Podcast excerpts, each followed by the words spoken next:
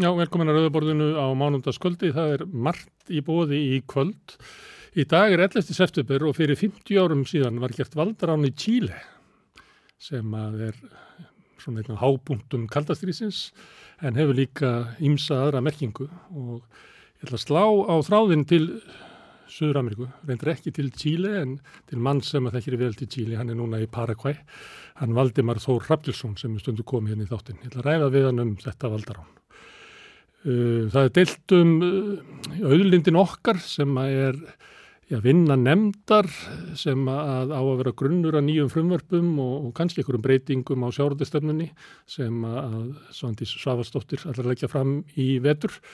Uh, margir óanaði með þetta, uh, meðal annars strandveiðimenn sem að gerðu mikla ratúasendir, bæði við hvernig var staðið að vinnunni og ekki síður af útkomunni. Hann, Kjartan Sveinsson er formaður uh, félags strandveiðimanna og ætla að slá á þráðin til hann, hann er statur í London. Uh, Flóttamannamál og hælisleitindur það eru í fréttum, nú er verið að vísa fjölskyldum af landi brott. Uh, hún Marja Pétustóttir fær hingað hann að Margein Bríett Maheo sem er stendur að félaginu réttur barna og flótta og það er alltaf að ræða saman um ja, ja, barn og flótta og fjölskyldur sem að býða þess að löggan banki upp á og vísi fólki út á kjöfluglull og úr landi. Og hér á eftir ætlum við síðan að halda áfram að ræða um samkefni eða skort á samkefni á Íslandi, fákefni og eitthvað flera.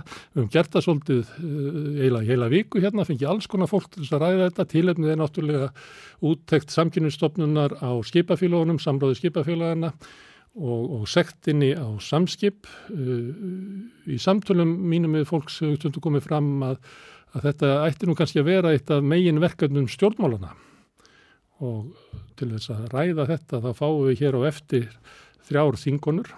Það er Hanna Katrín Fridriksson sem er í viðrist, uh, Bjarkei Olsen, Gunnarsdóttir sem er í Vafki og Otni Harðardóttir sem er í samfélkingunni. Við komum og ræðum við þær hér eftir örskamastund.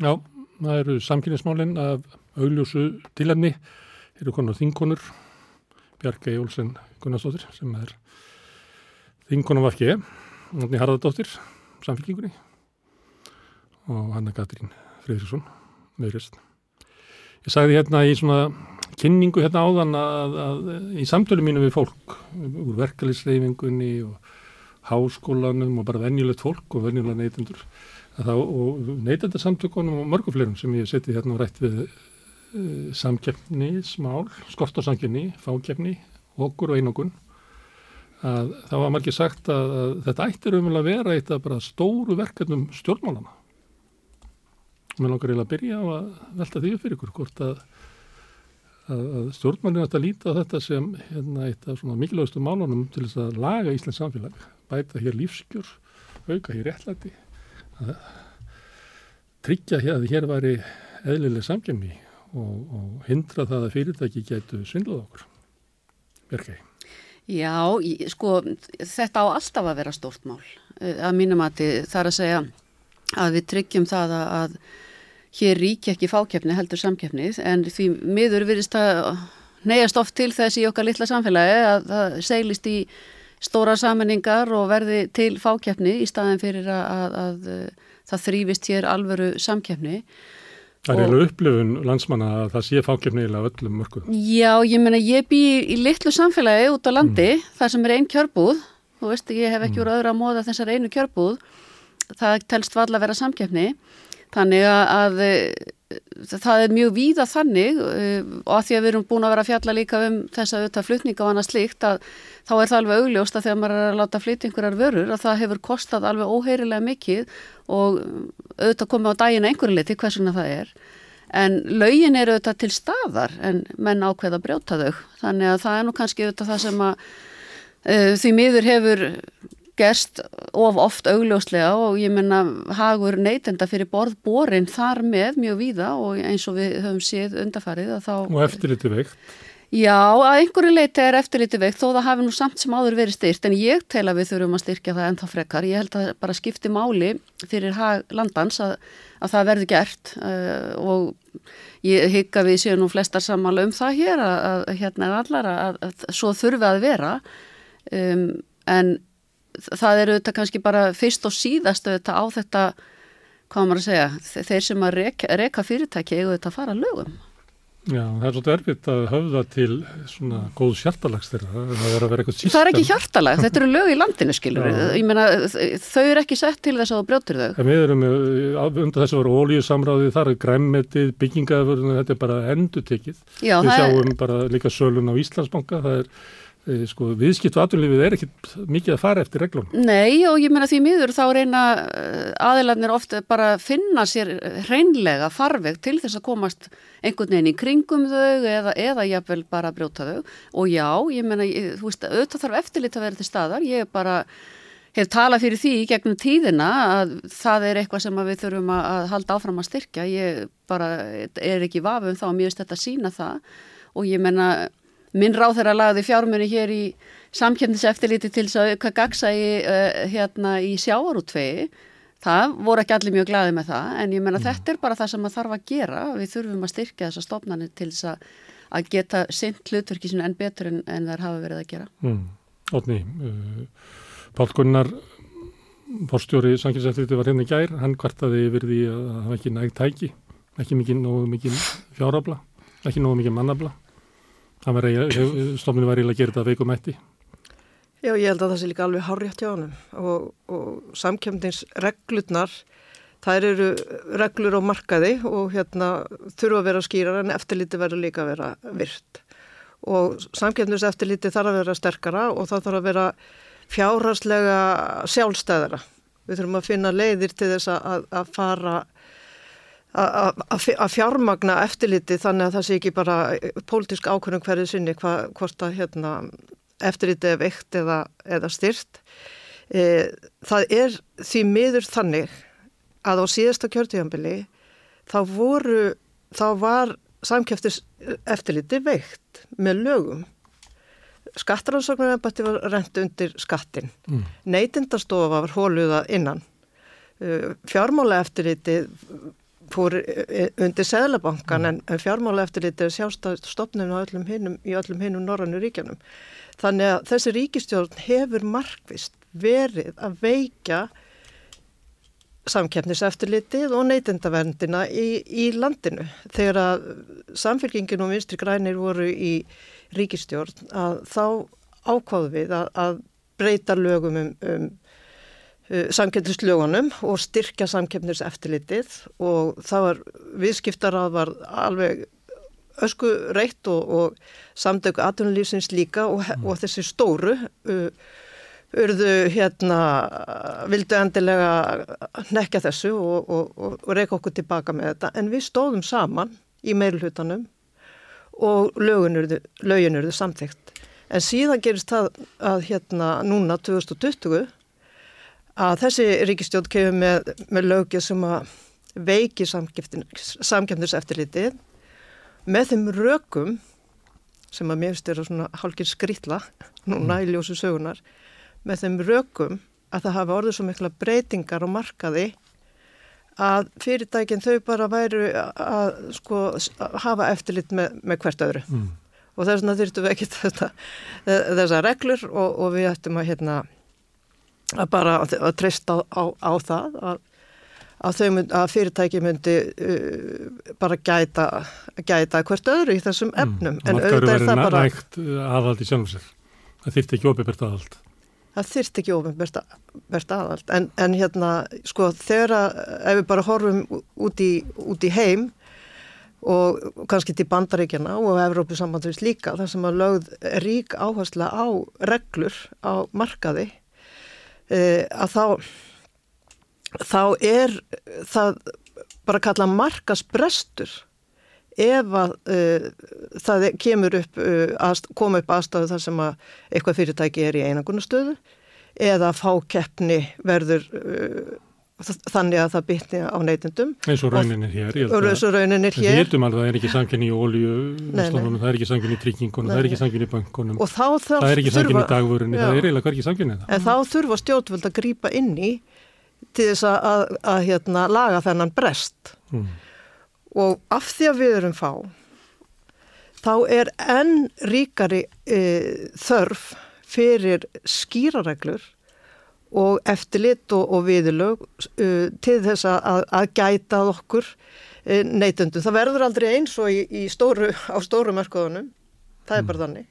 En það er vissulega hægt að gera betur og ég er sammála því að, að þetta stóra mál stjórnmála er að auðvitað gæta að hag neytenda og hag almenjus í landinu og hafa almenjusjónamiðin ávalt ávalt að leiðaljósi, annað hitt er spilling að beita valdinu þannig að, að það sé gætt að sér hagsmunum og kostnaða almannahags. Mm. Þannig að Katrín, því við erum náttúrulega markasinnar, það er svolítið erfitt að vera markasinni og horfa upp á hvernig markaðurinn hegða sér þegar engi sér til. Já, það er alveg rétt, uh, en eins og þú bendir réttilega á, mm. uh, það likur ábyrgin hjá stjórnvöldum uh, og það er ekki að ganga út frá því þó væri óskandi að menn hefðu sér betur en þeir gætu gert mm. um, þannig að það er erfitt að horfa upp á þetta það er sannlega ekki þannig að það sé eitthvað sama sem merkja á milli þess að vera trúa á kosti markasins og vilja hafa hérna eitthvað kúrikasamfélag eins og við verðum störu orðin þar sem þeir stærstu og frekustu hafa sína hendisemi mm. það er bara langur vegu þar frá Hvað er þetta að gera? Vi, við erum sko, við erum með samgætislaugjöf Eh, hana má miklu leiti reykja til þess að við erum hluta európska efnarsæðinu og flest það gott sem hefur komið síðust ár hefur komið gegnum þálögjöf Sumt höfum við dreyið fætuna með að innleiða, til dæmis að bæta réttastöðu uh, einstaklinga og, og, og lög aðila sem hafa orðið fyrir tjóni, fyrir mm. markarsbrota.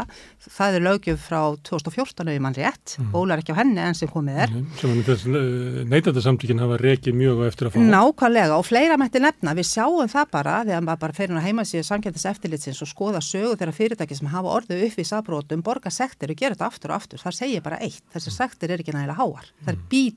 ekki ekki með og því að fara svig við lög. Þannig að það þarf að drífa í að gera þetta. Ekkur þetta að gera það sjálfkrafa því að það er að gera það erlendis og það kemur hingað og sumuleiti að sektin við samskipt dæmu það. Já, það er líka nákvæmlega. Um, en svo er hitt, vegna þess akkurat að þessi lögjöf kemur uh, að miklu leitað utan og við þurfum að innlega þetta fyrir en síðar það eru hafa verið gerðar allugur eins og Otni benti á, þannig voru 2020 þar sem átti að taka ákveðna, ákveðn verkværi frá mhm. samkjöndseftilutinu sem var sem betur fyrir stoppað og annað tafið að minnstakosti.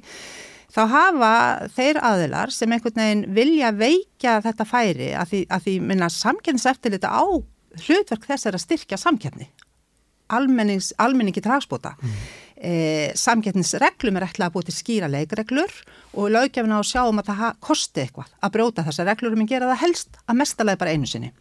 Um, en af því að þessar reglur koma miklu leiti að utan og okkur er bókstælega skilta innlegaðar fyrir en síðar, þá upplifi ég að þeir sem ekki vilja, þeir sem vilja kúrikasamfélagið, sé að beina spjótu sínum núna frekar að samkennist eftirlítinu sjálfu og að því að auðlindin okkar, verkefni þeirri nefnt hér, þá til dæmis kallaða hún til samkennist eftirlítið til að reyna að fylgja eftir einum fákjörnusmarkaði mm. sem er þessi hérna uh, þar að segja afleggingum af fákjörnusmarkaðinum þessi ofbúslu yfirráð stór útgerðarinnar í Íslenska samfélagi í óskildum greinum Þetta er enda skísla út þetta sem ég baði um fyrir nokkrum árum og var hvorki fugglinn fiskur. Nú fól ráð þeirra sangtinsættilitinu að skoða þetta og hvað gerast? Menn saminast um að ráðast á eftirlitið. Mm. Menn ráðast á eftirlitið. Já, já, en, mm. en látu það verið í pólitísku tilgangi. En það er verið að fara kerfisbundi að grafendun trösti fólks á þessu mikilvæga batteríi sem hefur ekkert hlutverk annað en að geta hagsmunni almennings. Mm. Og þetta verður við einfallega að standa vörðum. Mm. Það er bara ekkert öðruvísi og ég trúi ekki að það veri best gert með því að samina það við neytendarsamtökin sem eru þegar haldrandi neytendarstofu sem mm. eru haldrandi við þurfum að tryggja að minnstakosti að þau haldi sjálfstæði sínu og ég ætla að fá aðeins að bæta einu við. Ég held að við þurfum að uh, fara því fyrsta í það að skoða þetta þennan misprest sem er á því að annars vegar uh, er það skilda samkjæmtiseftillit sem skoða samrunamál og það er lögbóðið frestur Þannig að það er bara þetta, bara svo ég orðið að þannig, þetta er hendin tilkynningum um samruna og þá verður samkynnseftildi að grípa til aðgerða. Og meðan býða síðan rannsóknir á brotum. Þetta er náttúrulega eitthvað öfusnúið við þessa og röð. hérna rannsóni sem að eftir þetta sjálf kýs að byrja Já, kýsa að byrja og út frá ábendingum eins og ávið út frá ábendingum og það er nefnilega annar miskilningur. Mm. Samkynnseftildi situr ekki og hugsa hvaða fyrirtæki getur komið í bobb í dag. Flest öll mál hefjast á því að það eru smerri fyrirtækjamarkaði sem kvarta að því þau skortir súrefni til að starfa vegna þess hvernig staðan er. Þannig að já, þetta er eitt af reysaverkefni stjórnvaldna. Herra Bjarka, ég las stjórnarsáttmálan. Þar stendur að það eigi að uh, endurskoða samkynnseftirlitið á fyrir hluta þess að kjörtímabils. Það er nú bara nokkra vikur. og samin að öðrum stofnunum og sjálfstæðismenn hafa samtlýtt á sínu landsfundi að, að uh, samkynnseftirlitið verið samin að inn í þessa neytendastofu sem er veik. Já, já, ég meina það, það er talað um þetta í stjórnarsáttmálanum. Við sjáum þetta hvort að, ég meina, kjörtumabili er halnað, hvort að það gengur eftir eða ekki og ég meina, mér finnst kannski þessi úttækt eftirlitsins sína dálti fram á það að þetta er stofnun sem þarf að vera sjálfstæð. Það hvort að neytindastofa fellur inn í hann eða ekki, það getur vel verið að einhver verkefni eigi þar heima en það er þá að mínum að þetta mist okkur undir, miklu frekar undir hatti samkeppnis eftirlitsins. Og við sjáum það bara núna þegar að tala er um innra eftirlit hjá fyrirtækjónum og annað slíkt. Já, lagsin er gott dæmi um það núna bara. Þar sem að innra eftirlit hefur ekki farið fram í þrjá fjóra mánuði og þessar sleppingar bara eru því miður að- bara skjálfilegt ástandi í, í lífríkinu. Þa, þar skortir markvissara eftirlit að mínu mati, svo við tölum um það líka. Og gagnvart verður opinbert fyrirtækjum. eftirlit? Það, verður, það er ofinbært Já, eftirlit. já, verður En það. það þarf að bara vera miklu, miklu meira af því það er alltaf verið að tala um þetta að treysta á þetta eftirlit eins og Otni hér benti á sem að fyrirtækin hafa sjálf sitt innra eftirlit en auðvitað, þú veist, það er alveg augljóst og marg sannað eins og hér hefur komið fram að það dugar ekkir til til þess að, að e, gera umhverfið þannig að neytendur geti verið sáttur við það. Ég, þú, ég held að það sé bara alveg borlegjandi sem öll sammála um það. En samþykjur það sem að Otni var að segja áðan að, að þessar saminningar eftirlitstofnana eins og fjármála eftirlitið inn í Sælabankan, skattrannsókn inn í eh, skattin og núna hérna, samkynnseftirlitið inn í neytendastofu sem náttúrulega kannski þetta stærða hlututórum hljómar ekki rétt. Er þetta til þess að veikja eftirlitið? Nei, ég er ekki sammálotni í þessu og ég... Hafið þið verið kvart, hafið þið, er þetta tillaga sem er á uppruna sinn í einhverju tilfellum hjá ykkur í Vafki eða er þetta yfirleitt tillugu frá sjálfstaflöfum? Þetta eru, sko, ti- ég eh, þarf nú ekki endilega að tala um einhvern uppruna tillagna. Fjármála eftirliti og Sæðlabankinni heyra undir fósættisræðara í dag og ég tel að eh, þær útættir sem að framhafa farið síni það, það hefur bara gengið ágætlega þar inni. Eh, Það getur vel verið að Otni sé ekki sama sinnis með það. Og eh, ég er búin að fara í tvígang og heimsækja skattin uh, einmitt til þess að fylgja kannski eftir þessu, að, þess, að þessi saminning á sér stað. Uh, og þetta var mikið rætt í þinginum og þetta myndi veikja eftirlitið. Það er svo eftir allt annan mál hvort að við þurfum að bæta við fólki yfir leitt í þetta eftirlitið ekki um, hverju nafni sem það nefnist en ég tel ekki heldur að það hafi veikt, ég tel að það hafi frekar styrt með að við minnstakosti þær upplýsingar sem að skatturinn er að veita. Mm. Þannig að ég uh, er ásamála odniðu hvað það var þar. Mm. Ég held að við þurfum að gera útdækt að þessu. Já, það kemur alltaf Sjá að því að við þurfum að gera út þetta, en þú, þetta þarf líka þetta ákveði andrými til þess að eins og við þekkjum bara þegar að, að uh, hvort sem það eru saminningar eða, e, já, helst það kannski á sér stað, þá kemur alltaf að þessu tímabili, að það þarf að taka útækt, sjá, þú veist, hvað, hvernig hefur gengið, hvað hefur betur hérna mátt fara og hvað þarf að gera betur, en allavega þetta, þetta eru upplýsingar sem að ég hef beint inn En varðandi styrkingu eftirlitsins, það eru 24 starfsmennarna, uh, Páll Gunnar segir að þeim hefur tekist að hafa 10% í svona sjálfstæðan rannsóknum, hinnir eru að sinna verkefnum eins og Hanna Katrín bendir á, samrunna, þannig að það eru 2,4 starfsmenn. Hann segir að svona Erlendis á sig að tala um að þurfa að vera 40% starfsfólkinu sem, sem laust til þess að fara í sérstakar rannsóknir og þar eru náttúrulega eftirlitið sko margvald öflura. Þannig að miða við það að við sem í smáumarkaði og það er þetta sjónamið sem Átni var með hefur komið fram hérna mjög víða að við ættum að hafa meira eftirlíteldur en aðrir, ekki minna, að því að það verður svona fáið og svo náttúrulega upplifun okkar sem neytenda hérna við upplifum að sé engin sanginni þetta. Nei, ég er við ekki bara, ættum við ekki að fara að segja sko fjórusunum, fimmsunum, sexunum, sjösunum fleiri og eitthvað svoleiðis. Já, ég ætla nú ekki að hérna, kannski endilega fara með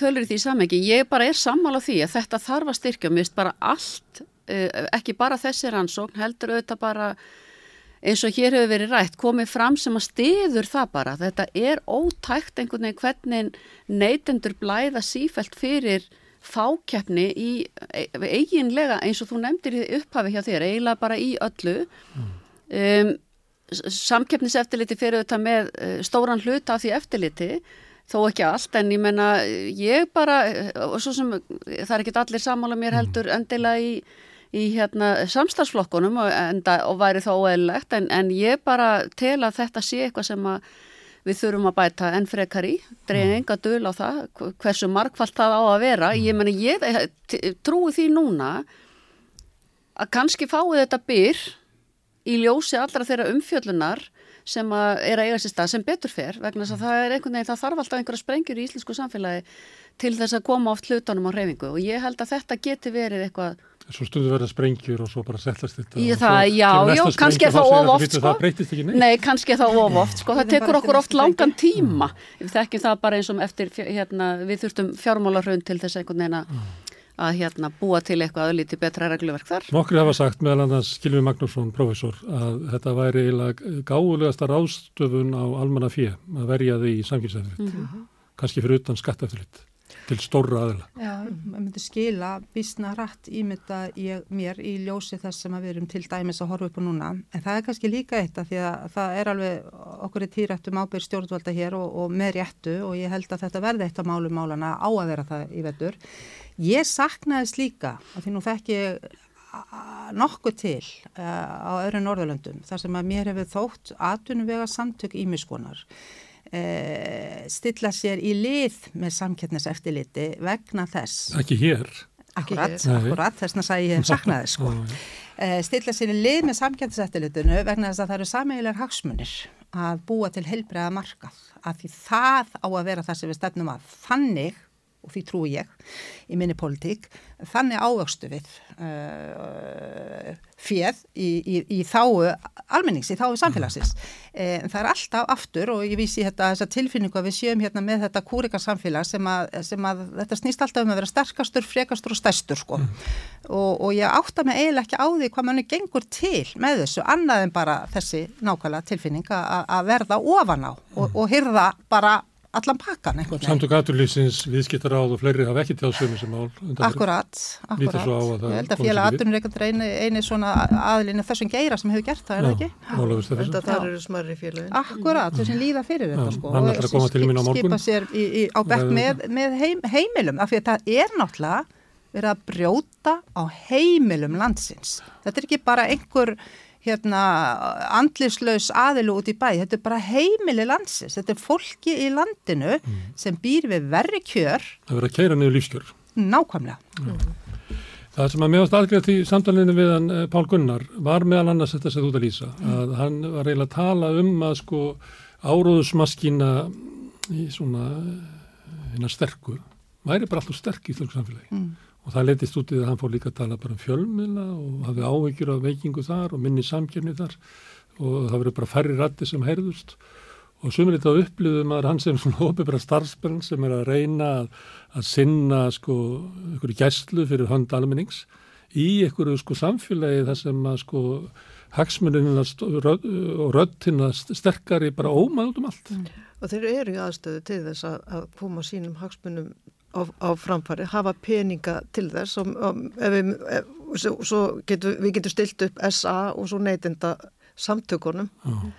sem að hafa ekki þessa burði sem að samtök aðunleysins og viðskiptfröðu hafa til að verja hagsmunni stóru aðilanna. Mm.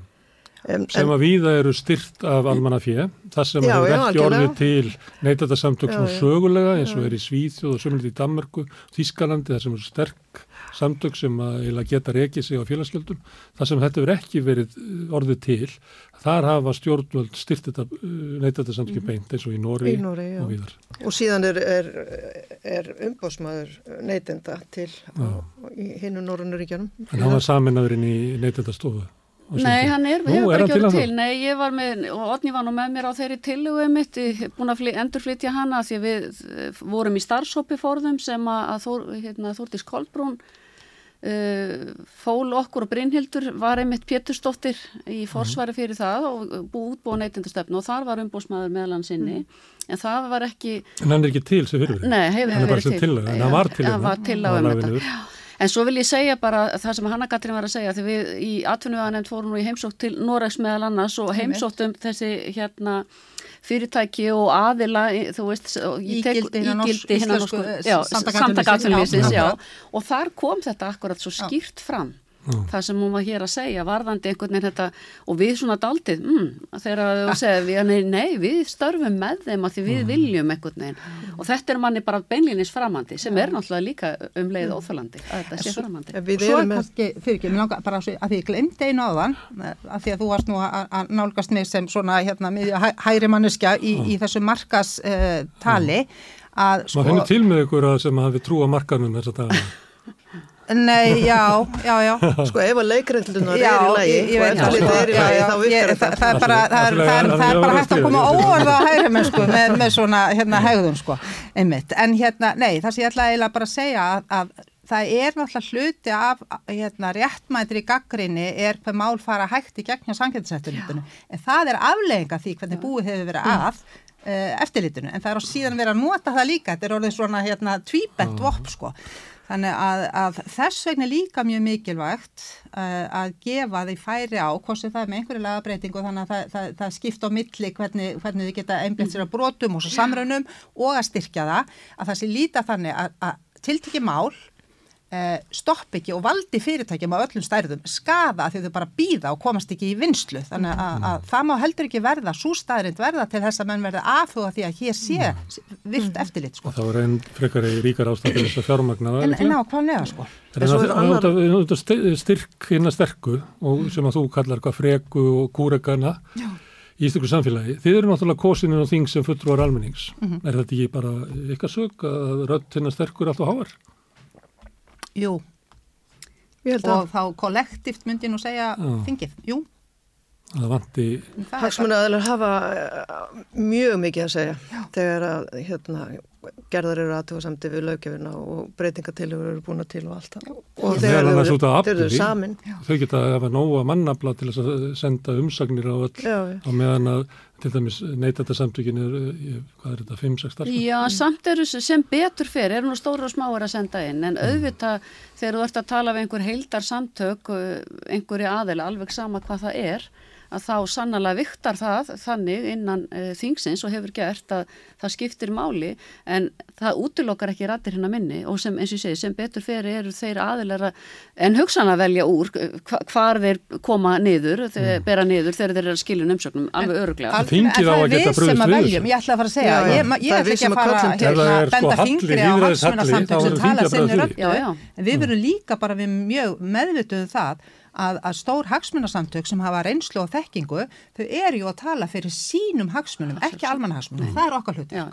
og þau hafa heldur ekki alltaf rétt fyrir sér, Nei, og ef að ekki. kemur ekki fyrir nefndunar ykkar, þá getið þið bara að kalla eftir algjörlega. Og það gerum við. Ég meina, ég held að allar þeir nefndir þingsins gerir það að einhverju marki ef að það er talin ástæða til að, að, að vanti inn hérna einhver, einhverja skoðanir að þá held ég að það sé nú alveg, alveg gert. Eða Ég allavega hef upplifið það í gegnum tíðina að það hefur verið, ekki verið flókjumál að fá að kalla til gesti. Nei, Opni, ég tók að þér orðið. Já, mér langar nefnilega að koma með annan vinkil inn, inn í þessa umræðu. Að, að þegar til dæmis, þegar að samkjöfndislaugjöfin var styrt uh, í bandaríkjunum árið 1900 þá var það ekki bara til þess að út af markaðurinn þyrfti að vera skilvirkari heldur til þess að verja líðræðið og menn töldu að stóru fyrirtækin og auðkifingarnir þær veru orðin svo sterkir að þeir veru fann að ógna líðræðinu og sama gerðist þegar var verið að byggja upp uh, eftir heimstyrjöldina og byggja upp uh, ríkin sem töpuðu að, að þá var einmitt lögð ríka áhersla á sko samkemtislaugjöf vegna þess að ef það ætti að halda frið áfram að þá, þá þyrti líðræði að virka vel og þá mætti ekki standa ógna stórum uh, fyrir, fyrirtækjum og, og, og fáum aukjöfingum og við þurfum að gæta þessu hér heima. Þess vegna fannst mér uh, fagnaði ég því sem að matvælaráð þeirra laði til að skoða egna og, og stjórnuna tengslinn uh, hjá, hjá sjárótsfyrirtækjanum og, og þau skila inn en nema eitt. Einn útgerðari sem segir nei þér kemur, það, hvað ætlar að gera með þetta? En auðvitað skiptir það mjög miklu máli að við vitum hver tengslinn eru uh, að þú getur ekki verið eigandi í einu fyrirtæki og, og stjórnaformaður í öðru og ert ekki talin tengdur sjálfið þér uh, samkvæmt lögjöf Óþólandi. sem er bara grín sko. Og þessu verður auðvitað að breyta og það er fínt að fá svona gögn til þess að undirbyggja uh, það að, að, að taka til í þessum ranni sko. En varandi völdin að sterku að því ég ætla að ringja í hann Kjartan Sveinsson sem er formaður stranduði félagsins og eftir. Og mm. stranduði félagið að Kjartan og Artur Bógarsson sem er landsaband smábátæganda og Arnar Allarsson sem er yfir hérna, félagið sem eru fiskvinnslan sem á ekki kvóta Ég, ég held að það sé fiskvinnsla út, útflytjendur, eitthvað slúðis þetta félagið. Þeir sögðu svolítið frá þessu samstarfi, akkurat út af þessu sem við erum að tala um hérna, að þeir upplöðu það að rattir hinnar sterku og valda miklu réðu öllu um það hvernig var gengið frá, frá skýslunni. En svo hafa þeir sagt sem svo að að margt hvernig sko Svandis tólkaði skýsluna hafi verið jákvæmt Já. því að þeim leist ekki á sko og, og þarna erum við með eiginlega alla aðilana sem koma að greininni sem ekki eru raunverulega svona stórútgerðin og vinnur og félagar. Þetta er náttúrulega, Já, já. Já, við Otni satt hún að báðar í þessu stór samráði Og ég. og þú, Hanna Katrín Hún líka. sá þig sjaldan. Já, of Við sjaldan. Árni sáum það sjaldan. Já, það er að því ég er nefndaformaður og þurfti alltaf að sinna því en ég hins vegar fylgdist nú vel með á kantinum og var mjög vel upplýst en það er kannski eitt af því sem að sko ég er ekki dendil alveg sammála um hjá þessum aðilum Uh, það að þér finnist ekki tekið tillit til þess sem að þú hefur sterkast skoðun á, ég meina það er allt við heyrum þetta frá SFS líka sko. Þannig að það er allir óanæðir þeir eru nú ekki það er kannski gott. Nei, það er alveg eins og með hina. Við erum búin að fá þá mörgu sinnum að funda okkar í atfinniðanend þannig að þetta er bara þannig innan þessa kerfis og því miður verður þetta örgulega mjög þungt að eiga við. Mm. því að hérna, það er aldrei svona hérna, ef allir upp á móti öllum ef að ég fæ ekki allt mitt í gegn ákvæmlega svona Mm. þá bara er þetta ónýtt. Ég vil ekki horfa á tilraun til svona sem, af því þetta er auðvitað bara risavaksi verkefni um, sem að þarf að taka utanum og ég treysti því nú að minn ráð þeirra að gera það á daldið kannski góðum fórsöndum. Við erum með svona sjáurðskerfið okkar er lokað og það er nánast ómulegt að, að, að, að einhver nýliðum verði nema þá í gegnum strandviðkerfið. Mm. Uh, og það sama þurfum við að huga að í varðandi bara önnur fyrirtæki að ef, að, ef það er algjörlega loka fyrir nýliðun og það er engin, engin hætt á því að einhver nýr komi með einhver, einhverja nýjongar og, og, og bjóði betur að þá hérna sko það, eitt af því sem skiptir máli er, fyrir okkur stjórnmálmenn að, að, að halda opnu uh, svona fákeppnismörkum eins og mögulegt er að, að, eins og sundar ný, fyrir, þeirra sem var bent Já, á í að fyrir nýliða, nýliðun að, að koma inn þannig að samkeppni geti orði eitthvað, eitthvað meiri í okkar fákeppnis uh, umhverfi. að stjórnvöld eigi að styðja þennan nýja og þennan litla frekar heldur en þennan eldri og stærri. Ég var bara að sjá til þess að það er ekki það, standa með neytundum og þá minni fyrirtækjum. Þannig að það bara er lífsspursmál fyrir akkurat þessa aðela og heimilin í landinu að þetta mál verði tekið föstum tökum. Ég meina við, við sjáum ekki endilega einhverja nýja aðeila komin á til að mennska. til dæmis. Nei, ég held að það sé ekki bara Nei. fræðilega múliki því að, að kerfið sem er búið að byggja Já. í kringum félöginu, þú kemst ekki inn í þar eins og ætla að fara inn í að keppa við Amazon eða eitthvað sem Já. á eiginlega dreifilegðina á allar hérna öll byrðahúsin og annað slíkt, það er mjög erfitt að fara inn á markað. Er- þau í stjórnarsáttmálun líka sagt að þið ætla að styrkja neytarsamtökin og ég fór að googlaði neytarsamtökin voru 70 ára þessu ári og þá mætti viðskiptaráður og ferðið um þrjárum miljónir. Þetta er nú... Ha, Þetta er svona peanuts. Alveg, þetta er eiginlega ekki.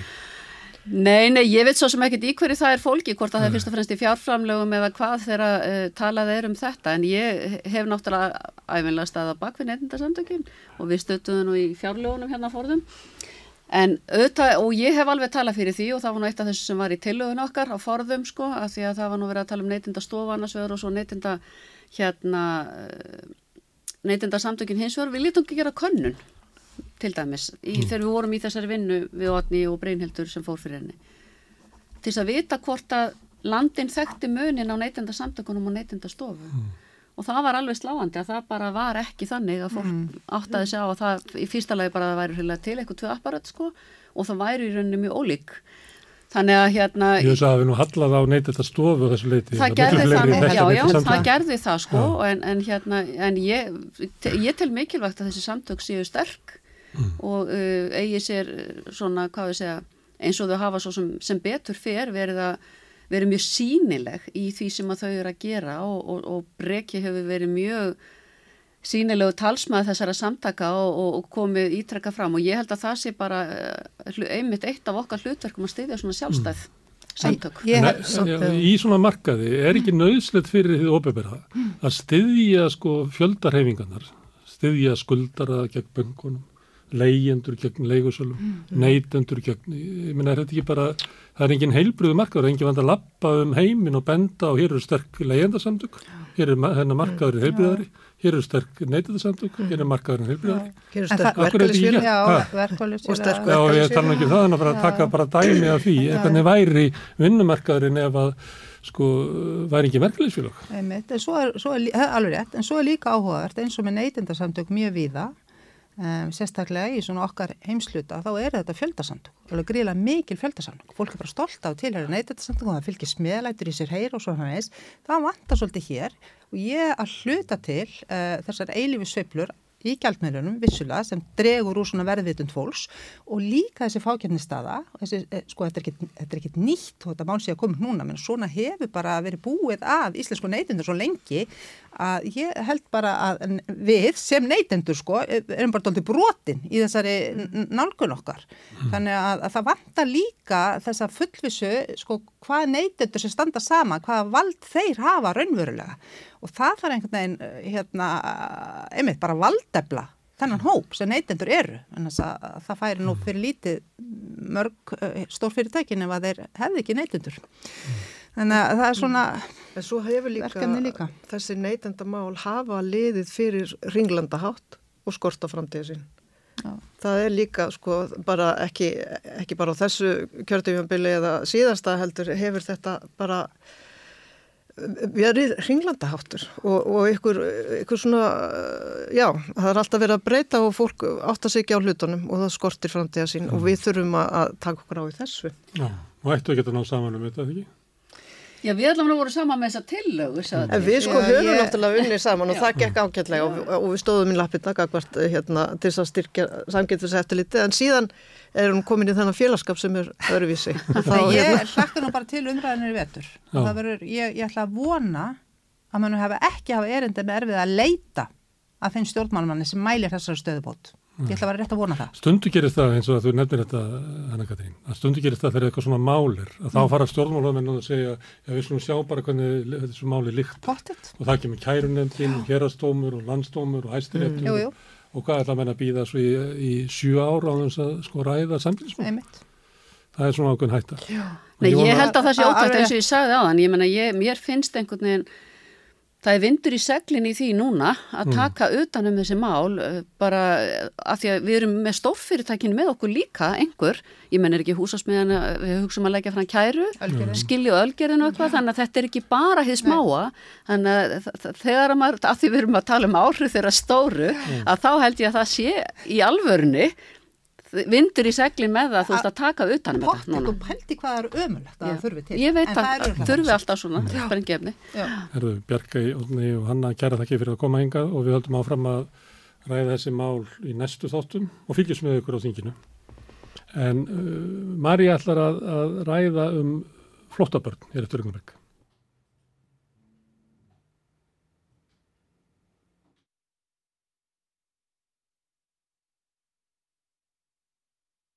Komiði sæl, uh, hér við rauðaborðið er komið góðu gestur, uh, hún Morgan Priet Maeo, komið sæl Morgan og velkomin. Sæl.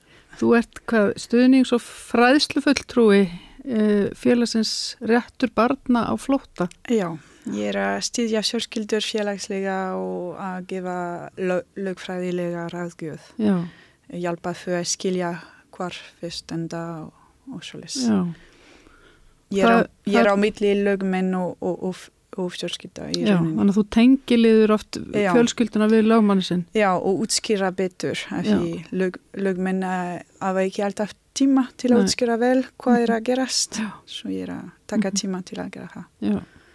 Þannig að þú ert í sambandi við lögmannin og útskýrir hvað, hvað er að gerast. já, og ég er að reyna að hjálpa þeim félagslega, hjálpa með uh, ef það er eitthvað skólavandamál fyrir börnin Mhm. og ef þau vanda eitthvað, ég er að tengja svö með Mhm. fjönustu sem þau vanda og, og svoleiðis. Mhm. Þetta er, er þetta bara svona sjálfstætt félag? Það, já, uh, við erum öll uh, sjálfbúða líði Já, og við erum í rauninni að gera þetta í frítíma. í frítímanum ykkar? Já, uh, allt benning sem við erum að fá fer beint til uh, lögfræðingastöð Mm. sem kostar mikið við vita. Við erum Mhm. að fá fullt af próbunu uh, vinnu en samt þetta er Mhm. bara, Og þeir eru ekki að fá neitt styrk frá sveitafjölum með ríki? við um, fengi stekk frá uh, síðmynd og djamat og, bara, og, og líka Solaris, Og Solaris. Sem, já, sem hafa verið mjög vel fengið. Já, og við erum að, að skipulegja viðbörðir uh, síðasta ár við vorum við, með uppbóð list, uh, listaverka uppbóð Já. og já Voru þá listamenn að gefa, gefa Já. sína? Og, já, við fengum fullt flott að þeir Listaverk. eru með einhverja fjár, fjáröflun. já Mm um, Eru, marg, eru þið mörg sem að komið að þessu félagi? nei, því miður erum við bara allt of fáir Já, já, já. Uh, við erum fjögur í stjórn og, og nokkrar í viðbútt í rauninni að hjálpa já. að stað og flest eru að koma af og til og það er mjög krefjandi, mjög erfitt um, já. Það væri flott að vera með fleiri í líð. Þannig að hérna og, og, og það, það er mikið búið að ganga á núna undarfærið. Nú er bara svona vatnaskil í rauninni í kannski málefnum flóttafólks það á Íslandi. Já, það, það er búin að breyta verulega núna í sumar. Uh, það eru til dæmis uh, búin að ákveða að brotvita aftur til Greiklands og Ítalju sem við skiljum alls ekki. Mm Uh, síðasta ár uh, voru uh, bara neyðar ástand bæði í Ítalju og, Greiklandi Mhm. og það er ekki búin að breyta. -hmm. Um, núna voru nokkra fjörskildur í, í sumar búin að fá um, ákvarðun fyrir brotvísun til Ítalju og, og Ítalja bara neytaði að fá þeim tilbaka til dæmis. En samt var Ísland búin að ákveða að brotvíða fyrir far á meðan að stæður voru slæmt. Það er búin að ákveða að senda bönn til uh, Greiklands á meðan allir veit að það mun veri en í Ítalju. Mhm. Uh, ég held að við þurfa ekki lengur að greina um neyðar ástand að því það er bara já Mhm. Um, svo hefur uh, verið fullt af fjörskildur uh, að bara koma til okkar og byggja um aðstóð Mhm. En því miður er það mjög erfitt mál að því um, uh, ríkið er í rauninni að neyta að skoða stöðu uh, fjölskylda fyr, fjölskyldna fyrir að segja að fyrir með vendarnastadar og, og þess vegna Mhm. af að þau ekkert að gera. Svo fjölskyldur fyrir að bara að býða og, og, og stóðdeld rík, ríkislöreglustjórans er að vera oft ákveðið að að brotvita fjölskyldur bara nokkra daga fyrir um, Og málið er að vera opnað og tekið upp já, efnislega. já, Já. Uh, fyrir eftir tíu mánuða á Íslandi eiga uh, fjölskyldur rétt fyrir uh, að sækja um efnismessferð Mhm. og þá geta þau loksinn uh, fá aðstæður fyrir að virkilega Mhm. en uh, fyrir þetta er í rauninni ekkert skoðað Mhm. uh, verulega. Uh, við, hefur verið nokkrar uh, Líka Mhm. sem eru líka mjög erfið. Núna er uh, fjörskildan frá, um, frá Palestínu að býða eftir brottvísun í bæjarraun. Já. Þa, það, er, það er mál sem að hefur verið fjallað um á samstöðunum sem er hvað áttabarna móður Já. með, m- móðir með Fötluð átta börn, barna meira að á, á Íslandi. Hún er 11, 11 barna. hún er móðir. 11 barna bóðir já, með Já. áttabörn hér, Já, hún er með átta börn Já. hér. Uh, fyrir frá Westbank í Palestín. uh, með mikið ofbeldi sögu vegna stríði við það og, og um, hún er með börn sem eru með andleg veikindi, fróska vandamál vegna ofbeldi sem uh, þau hafa upplifa síðan Mhm. fæðingu Mhm. og, og barn sem er uh, flugaveik Já. og mjög líleg andlega líka. Mhm. Hún er með ofræsla og og alls konar vandamál sem tengis beint uh, sagan þeirra í, í Palestín. mhm. Um, núna það stendur ennþá að þau verða sendt til uh, Spánar þar sem þau hafa bara verið mjög stutt á Mhm. meðan þau voru að milli lenda. Mhm. Það, þau hafa ekki stuðning þar og aðstæður eru mun veri en á Já. Ísandi og, Já. ég get ekki sagt að það var veldegið á móti þeim á Ísandi en samt voru þau með úsnæði. Mhm. Uh, við erum mjög mikið að gaggrina þetta mál að því fyrir með, það er einstæðmöður með frekar ungbörn, uh, tvo voru fjögur og fimm þegar fólk komu hér, núna Mhm. fyrir fimm og sex en fyrir samt ung. Mhm. Uh, nokkra börn sem uh, eru með veikindi e einn sem fór í aðgerð í lok águst og var sagt að þurfa að vera róleg í smá tíma eftir aðgerð um, já, floga stelpa sem er já, mjög mjög vikvam og svo bara eh, eldri eldri dóttir sem er 24 ára en anlega mjög veik Mhm. um, fyrir núna börn hafa ekki fengið að- stunda nám eða stómstundir þeir voru gemt í ásbrú Mhm. uh, það eru að minnstakosti fjögur sem eru í grunnskóla aldrei Mhm.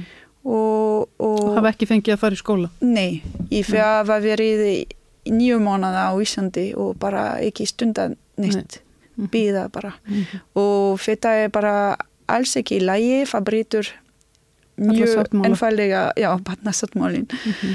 Uh, það eru, mér skilst að það sé fleiri sjóskildur í sama, Uh, Sömu stöðu í að- börnin fá ekki að fara í skóla Já, svo, árum skiptir já, uh, að minnst að kosti í ásprú. Uh, það eru, við erum líka að gaggrina í Reykjavíkuborg og Afnaferði eru leikskóla börn ekki að fara í, í skóla. Mhm. uh, ungbörn uh, skilja ekki alltaf hvað er að gerast en við finna fyrir því Mhm. fyrir að finna fyrir kviða Mhm. foreldra Mhm. og, og fyrir mjög einangrað Mhm. uh, það er mjög erfitt þegar foreldra eru með anleg veikindi uh, funglindi eða stundum verið vegna stöðu Mhm. og við erum að sjá börn á mjög unga aldri sem eru að fróa bara mjög mikið kvíðavandamál og, og, og, og stundum funglindi í Já, rauninni já, einmitt. og er að hafa mjög lélegt árið á, á fröskun þeirra. Mhm. Uh, það tekur langan tíma fyrir þau að koma úr þessu setna. Mhm.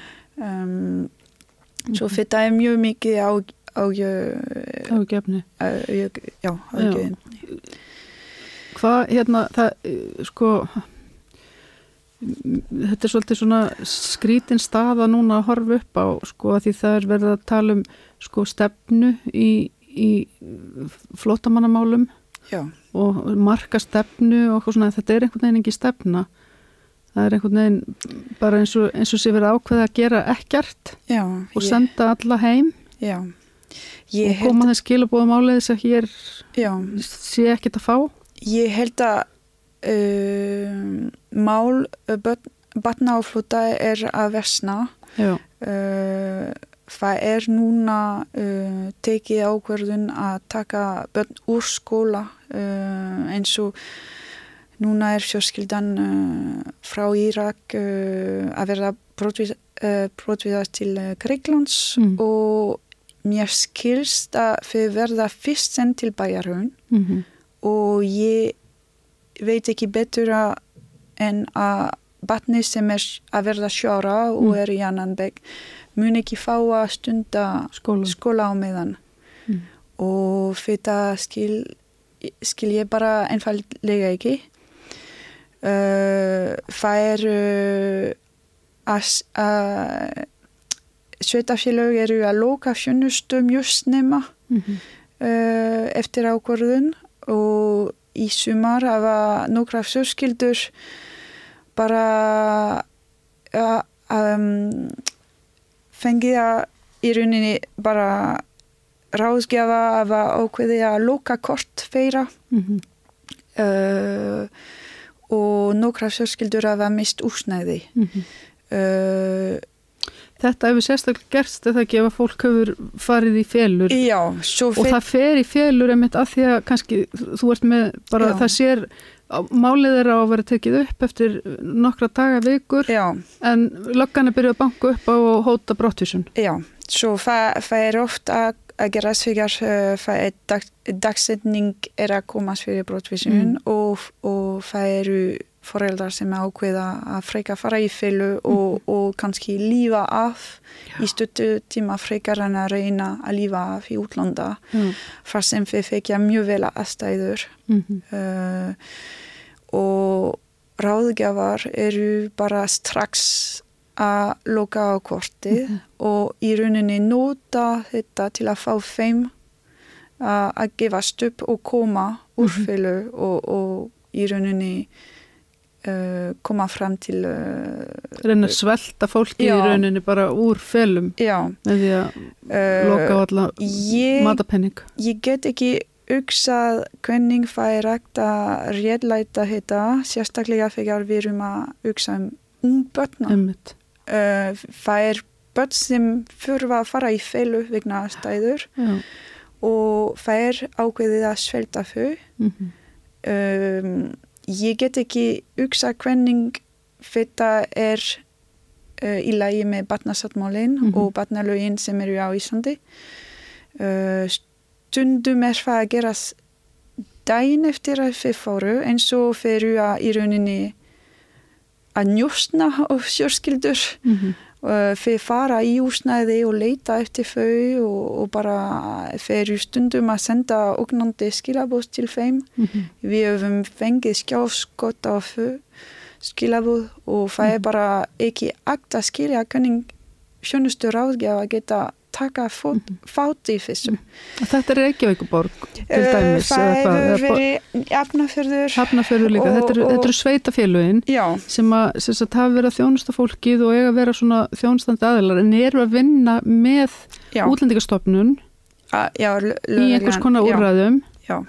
og eru í rauninni að fylgja mikið fremur kannski fyrirmælum hvað? Ég held að, já, feru í, í samstað með lögreglan og, Mm. og feru í, fe, já, ferum í mikið ákafi, ég veit ekki hvernig sér það, feru mjög dugleg Mm. að vinna, vinna aukavinnu, eru mjög mér. duglega að vinna aukavinnu fyrir útle- fyrir útlendingastofnun. Já, Já. Ég, ég get ekki sé hvernig það er, uh, feru ekki að vinna fyrir lögreglan, Mm svo feru fjönustu ráðgefa -hmm. og þeir geta alveg neitað að taka fát í þessu. Já. Allir í rauninni getur Mm s- neitað að taka fát í, í ákvörðun sem brýtur á réttindu batna. -hmm. Það er bara einfalt. Já. Og auðvitað er erfitt og auðvitað getur það verið vandamál með vinnu yfir menn eða eitthvað svo les. Mhm. En, en það, þú fart einn ákveða, viltu vinna vin, vinnu sem er að brjóta á réttindi batna Já. eða ég bara, Þetta er ós, óskilin, svolítið óskilin. já, ég, það er rægt að gera betur, Já. miklu betur. Já. Um, Mhm. já, ég, ég vildi nefna líka að onleg stöðu batna Mm. uh, og, uh, og fjölskyldna uh, ef við vesnað finnst mér Mm -hmm. Uh, vegna breytinga uh, reglur Mhm. uh, ég held að Vegna þess að nýju, nýju útlendingarlaga þá. já, Já. Uh, stuðning hefur mingað Mhm. verulega uh, og að því feru ekki í skóla, feru ekki með félagskap, feru, feru geta ekki tjá sig á íslensku Mm -hmm. eða stundum ennsku, feru læra bæði oftast þegar feru að fara í leikskóla og, og skóla. Feru geta ekki farið úr aðstæður sem eru heima og sem eru bara hot, um, fyrir brottvísun Mm -hmm. og, og það hefur mjög lílegt áhrif á, á börnin. Mm -hmm.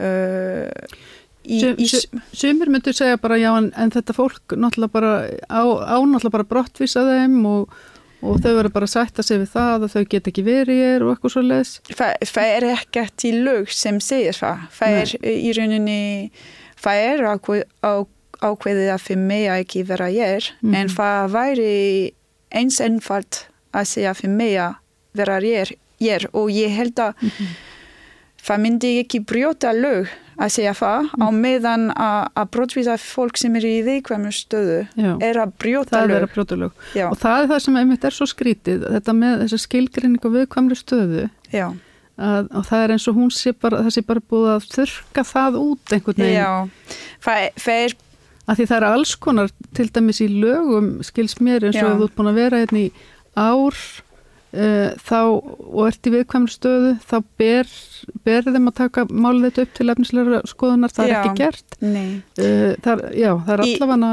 Í máli einstæðmóðir frá Palestínu. já, Það er mjög sorglegt og skemmtilegt á sama tíma að því í, í skisslu sjá þeim er, er sagt að um, það má uh, þegar einstaklingar er um sérstakri vikvæmustuðu er rægt að lifa að vera áfram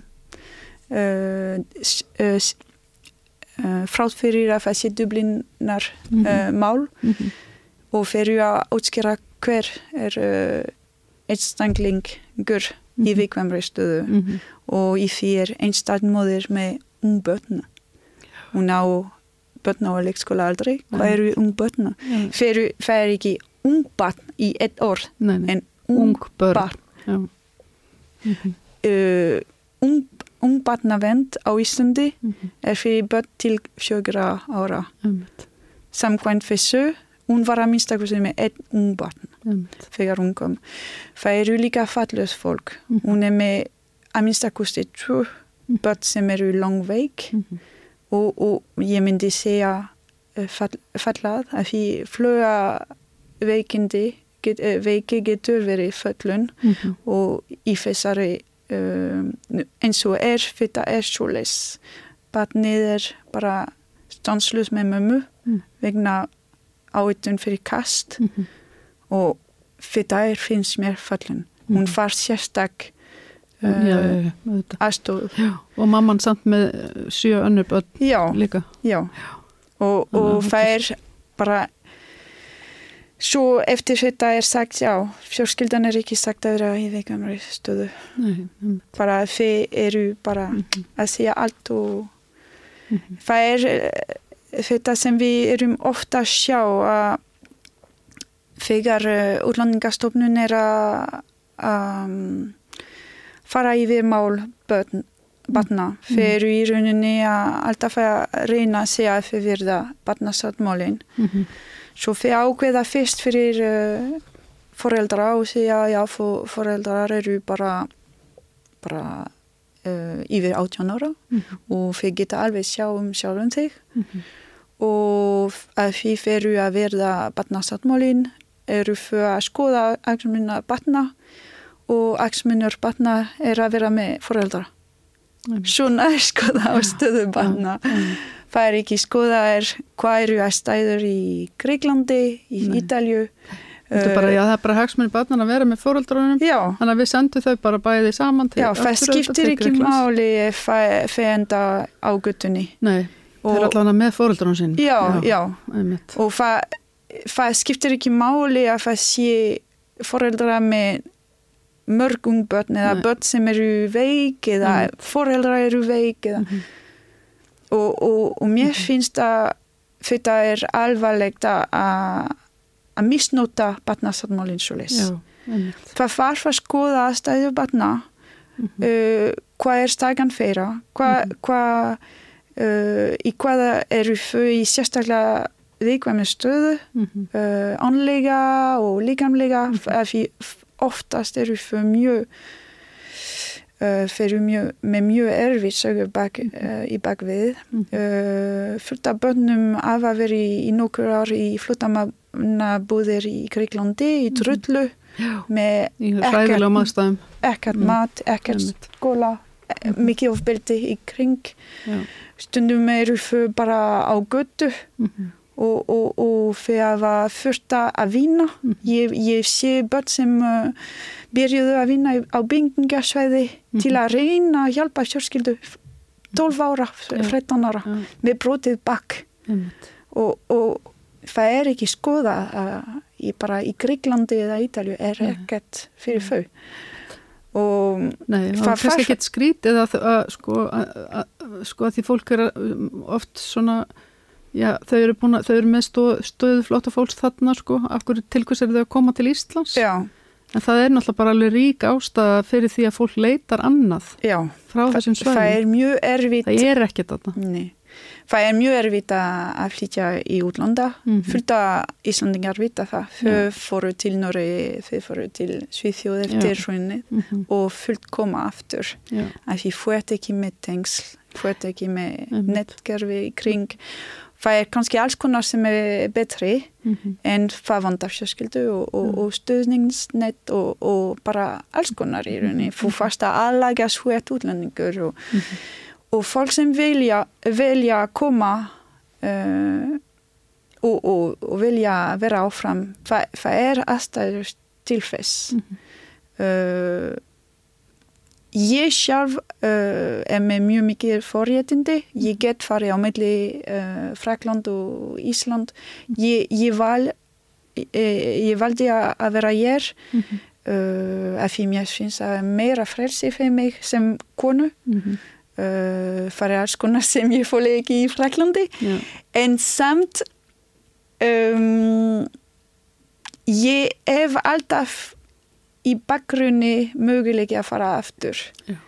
þessi fólk eru að, að flýja þeir hafa ekki möguleiki að fara aftur Einmitt. annar staðar mhm, og, og þeir eru að flýja með ekkert ég myndi aldrei ferðast með bara ég, ef ég þurfti að fara til Fraklands núna Mm. myndi ég taka viku að minnstakosti að skipulegja hvað ég þarf að taka fyrir mig með börn og Mhm. svona og ég myndi uh, vera viss ég er með lest eða úsnæði eða, ég, það er ekki ég myndi aldrei fara til Fraklands og ekki vera með nýtt mhm. sem er það að þarf að vera eitthvað, eitthvað rosalega neyð þannig Já, að baki með, með, með, þegar þú ert með börn, þú ert ekki að ferðast Mhm. með ekkert stöðningsnet eða ekkert Mhm. til fyrir því nema það sé bara líf og, og döða. að tefla einmitt.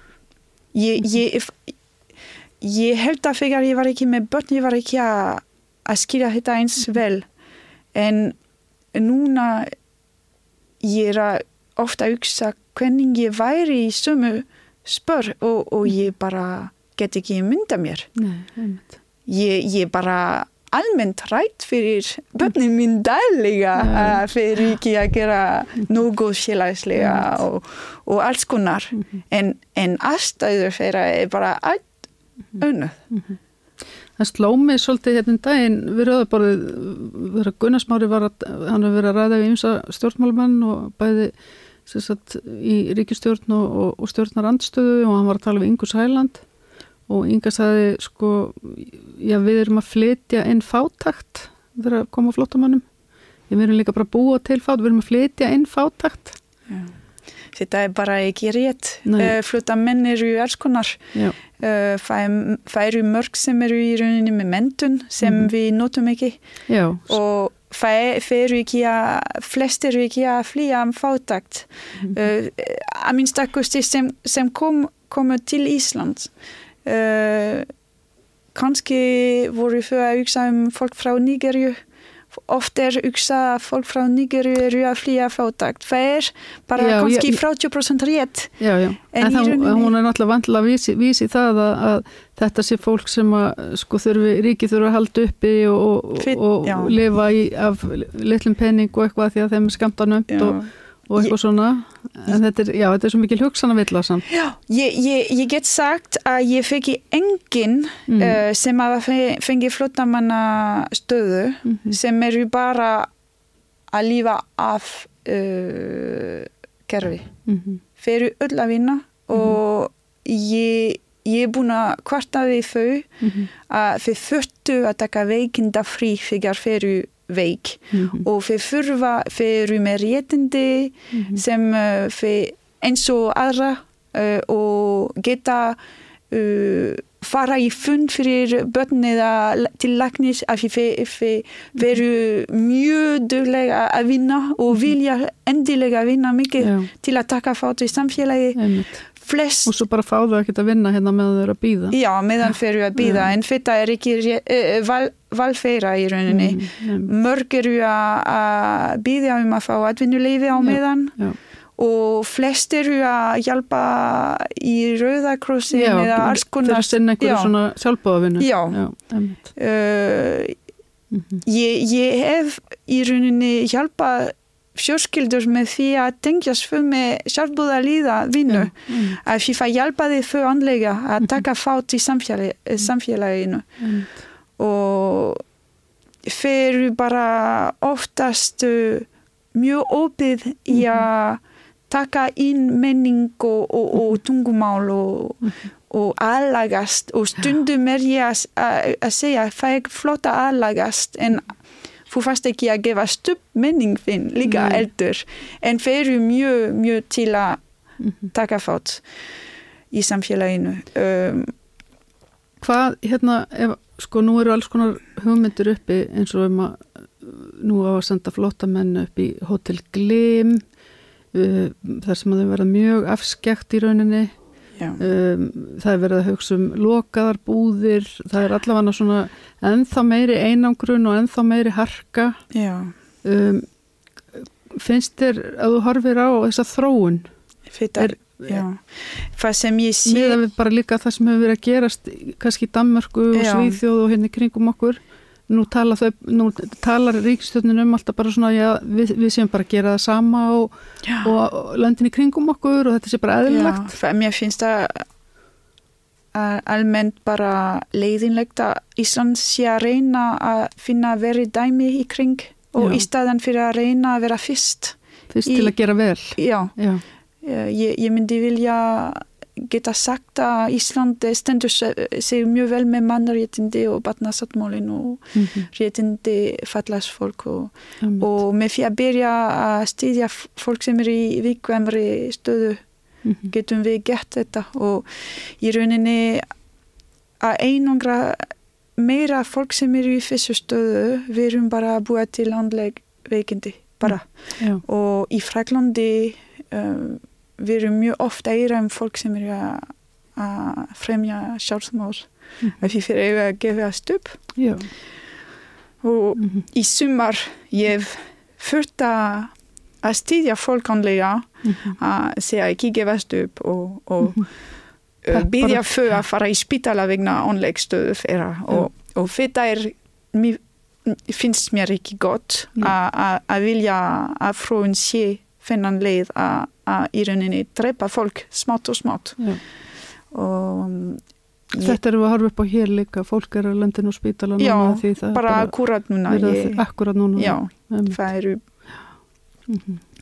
og, og fólk þegar þú ert ekki þegar þú ert að taka von frá fólki Mhm. þú ert bara í það fyrir bara fram á brúninu já. já. hvað getur fólk gert eða vil hjálpa? Ég held að það sé mjög, mjög mikilvægt að ræða þetta frekar, í- reyna kannski að fræða sig. Mhm. Um, það eru margt sem er hægt að skoða líka á Netflix það var um, uh, einmynda minn sem var að sína mjög vel uh, stöðu batna á flota uh, hvernig það er að ég, ég man ekki hvað það heitir um, ég, já Netflix Já, fe, já. fe, hvernig feru í rauninni að dreipast tónlega Já, uh, að við börn hafa engin nei og oftast, og sérstaklega á Íslandi þið geta ekki tjá sig Mhm. þið, þið fá, fá ekki pláss til að tjá sig á eina stöður Mhm. og þegar þið geta ekki gett neitt og sjá foreldra Mhm. uh, bara dreipast Mhm. fyrir að loka sig og það sést á myndir. Ef að skoða uh, fjóðmila og sé myndir af börnin fyrir ekki að brosa. Verulega Mhm. um, ég held að það sé nöðsynlegt að reyna að tengjast með þessu fólki sem eru að reyna sjálfa að laga samfélaginu á meðan fyrir að býða Mhm. kynast þau uh, það byrja þar Mhm. og í rauninni það þarf að krefjast að batnasáttmálinn sé verðt Mhm. á Íslandi það er ekki eins við, ég, ég held að við erum ekki að krefjast að það sé nýtt lög Mhm. Við, kref, við erum að krefjast að batnasáttmálinn sé verðt Mhm. aksmuna batna, batna hætti að vera alltaf fremst. Og uh, við fyrir að mótmæla uh, brot á réttindi þeirra, bara alltaf. Og, og það skiptir ekki máli er eitt fjörskildu einu. Það er, við fyrir að mótmæla alltaf, Alltaf Talandi um mótmæli, nú verða mótmæli á morgun. Já uh, Þingi er að koma saman og, og, og það verða, verða mótmæli á morgun sem er hvað Solaris og já, og Borders. borders. Já, já, við, og, ég, ég sjálf er allavega að fara þar. Já, einmitt. Uh, ég held að það sé ég hef ekki ett í ríkistjórn og ég hef ekki ett uh, í Guðmund Guðmund Inga. Já, Inga Ráðherran hefur, það hefur ekki heyrst múkk frá ráðherranum nei, nei, og ekki heldur ásmundur. Við erum Nei. búin að senda bréf Já, til þeirra bæði Já. og, ekki fengi svar. Nei, og ég, ég myndi vilja eira meira í bara þingmenn líka. För eru með ábyrð á þessu öll. Þetta er alveg og stjórn, stjórnaranstaðan hefur heldur einhvern veginn ekki haft hátt. Fyrirgjöfu. stjórnaranstaðan þeir sem eru sagt, hvorki þeir sem eru í stjórn í stjórnarandstöðu Já. hafa tjáð sig mikið um þetta? Nei, það er uh, Andis Anna hefur tjáð sig aðeins í sumar Mhm. og í rauninni píratar Píratar helst. að hafa gert með, já, mm. við komum í fund líka. Já, en í mér finnst að það var ekki nóg. nei, Uh, ég, og, og, og ég, ég er ekki að gaggrina fyrir frekar en, en öll sem hafa ekki sagt neitt. einmitt. Uh, það er þegar þú þingmenn fyrir, fyrirgerðu en Mhm. það er ekkert sumar. Þú, ert að þú, ert að velja lög, þú ert að gera lög, þú, þú fannst að taka ábyrð fyrir hvað er afleiðingar. Og núna fyrir, eru fólk á götu Mhm. Sumt eru börn sem voru uh, komu uh, fylgdalus Já. til Íslands og, og býðu Mhm. og til fyrir orðu fullaðar. Mhm. og þá er verið að senda þau tilbaka Það er í rauninni, ég held að það sé ekki einu að hætta að senda hann tilbaka. nei, og hann bara er á götunni Já, já. Og, og já, það er ég, yfir yfir 60 mann sem búðir að bara já, sem. Solaris og Nobotus er við stutt, já. já, fyrir að gera mjög mikilvægt verkefni líka. Herðu, við ætlum að reyna að reynum að ná af Solaris eitthvað á morgun. Um, þú ætlar að mæta á mótmælinn, þau eru fyrir framann þinghúsið, Já, Östuvelli. alþengis, já, austuvelli klukkan 12 Já, á hátegi, og ég hvet alla að koma líka. já, segjum það. Hvetjum alla til þess að mæta og ég þakka þér alveg innilega fyrir komin á gangi þér vel og ykkur Takk fyrir, takk fyrir að mér. barnaflóta. Já, takk, takk. og ég hvet fólk til að bara setja sig í samband eða það telur sig geta veitt einhverja aðstóð uh, hvort sem er með því að gerast tengilegir við fólk eða, eða útvega fólk í húsnæði eða hvað sem er. Uh, já uh, við höldum áfram að fylgjast með þessum málum hér við Rauðabólið og ég þakka fyrir mig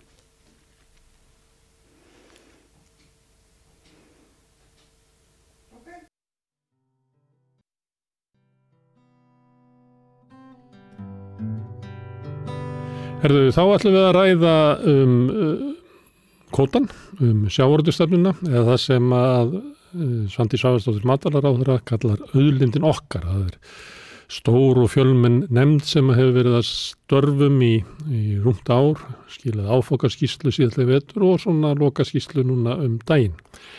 Það er ekki allir ánaður uh, með vinnuna, vinnubröðin eða niðurstöðuna og einn af þeim er, er Kjartan Páll Sveinsson, hann er formaður stranduði félagsins. Hann er ekki hérna með okkur, hann er út í London en við ætlum að tala við hann hérna í gegnum Zoom. Blessaði Kjartan? Já, allar blessaður. Herðu, hvað er það svona við aðferðina sem er notuð við að, að, að búa til já, þannig svona pakka af tillögum sem að þið e, eruð ósáttir við?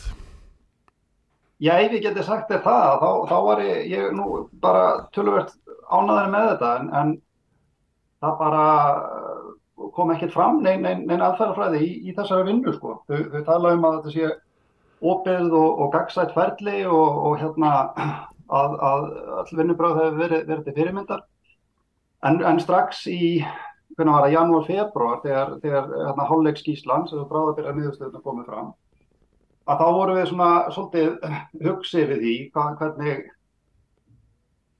hvernig talað væri um sérstaklega smábata og hérna og marga fulleringar sem að komu fram sem að bara stóðust enga skoðun. Þannig að við skrifum þá opið bref á, á þeim tíma þar sem við báðum um sérstaklega útlistun á aðferðafræðilegri nálgun í, í þessari vinnu. Og við höfum núna í, í þrýgang beðið um uh, útlistun á, á aðferðafræðinni og ekki fengið neitt svar. Þannig að það virðist ekkit vera neina aðferðafræði sem að býra hann á baki. Við áttum nú fund með, með starfsópunum og, og, og þá kallum við þetta að aðferðafræðin væri bara hakkavílina, þetta færi bara allt einhvern veginn í hakkavílina og svo kemur eitthvað út í, í hinnendan sko. Þannig að ég get ekki svarað þér, ég veit ekki hver, hver ég veit ekki hvernig ég á gaggrina þessa aðferðafræði vegna þess að þau hefur ekki lagt fram neina aðferðafræði. Það verðist ekki að vera neina aðferðafræði. En er það, er það þannig hjartan að það sem að þið lagðu til í, í hakkavélina, kom það út úr henni? Sérðu svona einhver fingraför eða, eða spór eftir svona það sem að þið lagðu til í vinnunni? Ekki stakt orð. Uh -huh. það, er bara, það er bara ekki flóknir um það. Og sko, loka skýslan, uh, það fór, náttúrulega mikið, mikið púður í þetta litla 5,3% kerfi að, að skoða það og gaggrina það og hérna og, og, og, kaplinum strandveðar, sko hann er bara ekkit bóðlegur. Þetta, þetta er svo, það eru staðhæfingar sem að, sem að hérna sem að bara standast enga skoðun og eru bara falskar. Þetta er bara, atvinnurógur, þetta er bara rókburður sko. Þannig að við vorum alveg brjáluð og, og landsambandið var með okkur í þessu og, og, og hérna félag fiskverkenda og útflytjanda. Uh, við bara sögum okkur úr þessari nefnd, en þess að sko þetta átti, þetta, sko starfið var tvíþægt, annars vegar voru sem sagt um, starfshópar, fjóri starfshópar sem áttu sem sagt að, að greina áskoranir og vinna svona grunnvinnuna og svo voru samræðasnefndin sem við vorum hluti af. Og við áttum að hafa yfirsýn með þessari vinnu. Og ég meina ef að ég var í hluti af samræðasnefndinu og ég byggði um útlistun á, á aðferðafræði þá eiga þau bara að koma með útlistun á aðferðafræði. Til hvers var þessi samræðasnefnda Mm. Þannig við, við, við, við þrýr, ég og, og, og Artur og, og hérna Arnar Allarsson, við sögðum okkur úr þessar samræðasmenn vegna þess að við getum ekki sagt, ljáð þessari loka skýslu einhvers konar eh, réttmæti eða lögmæti með því að leggja nöfnokka við hana. Mm. Þetta er bara, þetta er bara fúsk. Mm. En þú þekkir umræðuna um sjáratvegin og, og smábátaveiðar og strandveiðar. Þegar þú skoðar eh, svona niðurstuðu nefndarinnar og þennan texta þar sem að þú þekkir engin merki ykkar hérna, sjónarmiða, hvaðan er þetta ættað ef maður tekir svona bókmyndafræðilega greiningu á þessu? Hvaðan, hvaðan kom þessar hugmyndir sem að nefndin er að leggja fram um stranduðar? Sko þetta, maður, maður, þetta sund af þessu virtist nú vera bara að tekja orðrétt upp úr áráðusmaskinu SFS sko, eða svona LIU. Það, ég, það, þetta kemur þaðan og, og náttúrulega uh, sækreifanir hafa náttúrulega verið með hortn í okkar síðu alveg síðan 2009 þegar strandveikerfinu var komið á og, og hérna áróðurinn þeirra gegn okkur smábótunum hefur verið, hef verið linnulaus og hann hefur verið ósvífin og, og hérna í, í þessi 14 ár sem að, já og lengur í rauninni vegna þess að hérna þeir bara þetta, þetta tegir sér langt, langt framfyrir hérna, tilur strandviði kerfisins, þeir hafa bara alltaf hatað okkur smábótana og maður þekkir alveg þessi, þessa rauksundafæslu að maður hefur heyrt og séð hana svo oft. Og hún rataði bara í, í þessa lokaskíslu og til dæmis, til dæmis það að, að, að, að halda því fram bara blákalt út að það sé efnagslega óhægrætt að þeir sögðu sko að, hluti starfsóksins taldi það, að það veri rétt að minka vægi strandviða í ljósi þess efnagslega óhagræðis sem af þeim leið. Leggja ekki fram neingögg til að, til að, hérna, til að uh, sannreina það sko. Mm. Og þetta kemur bara frá, frá stórútkinu. Þeir, þeir hjakkast á því að hérna að það sé hagkvæmni í, í stórakerfinu og því stærri einingar, því, því, því hagkvæmara, leggja samt aldrei fram neina útreikninga. Ég hef aldrei séð þessu útreikninga. Mm. En það, ráðarann segir að það er að búa til sátt í kringum þess að vinnu, en, en þið hafið e, gengið frá borði, þið þrýr, e, þú ert formaður strandveiði félag, e, félagsins, Artúr er formaður smábáta, rannsama smábáta og Arnar er, er fulltrúi fiskvinnsluna sem ekki eiga útgerð. Og þetta er náttúrulega þrýr mjög stórir aðilar. Það er eiginlega fátt eftir hagsmuna aðilar hinnum megin nema þá bara stór útgerðin þannig að, að það verður ekki mikil sátt ef að, ef að þið eru ekki aðilar aðinni Nei, það verður ekki, ekki sko, við, við getum ekki sagt okkur við þetta. Nú er, nú er sagt Uh, þessi loka skýrsla komin einhverja samráðskátt og ég, hver veit af hverju hún þarf að vera komin einhverja samráðskátt í, í hérna hjá, hjá matvælaráðunetinu af hverju, þú veist, til hvers var þá, var þá nefndin sem að við sátum í en hérna, en við, við getum ekki sagt okkur við þetta og ég ætla að krefjast þess að, að, að alla, allar, allar þessi róburður sem að kemur í, í gard smábáta sjómana verði tekin út úr lokaskíslunni ef að þeir get ekki sínt fram á um, uh, hvaða gögn liggja baki þessum fullurinn. Og við, við, við, þetta, þetta getur ekki stuðlað að sátt. Þessi skísla mun ekki stuðla að, að sátt. Við erum brjáluð yfir þessu. Algjörlega brjáluð. Smábátisjómen út um alland eru gjössanlega brjáluð yfir því að leifa þessu fólki og ég menna, við skulum hafa það í huga var náttúrulega hérna sem sagt Egert Bindit Guðmundsson sem var var fórstjóri Hápja Granda í einhver sex ár. Hvernig sko og hann skrifar eftir því sem ég sé best að hann, hann skrifa náttúrulega hann að kapla um, um strandveðar og það, þú veist á fundinu sem áttum með honum að þá var hann alveg fókreiður og ætlaði að, að, hérna, að slíta fundin með okkur út af, út af því að við báðum um um útlistingu á hérna á aðferðafræðinni en sko ef að á að stuðla sátt hver, hver, hverjum datta í huga að, að, að setja þennan mann mm. í, í fórsvari fyrir þessa vinn.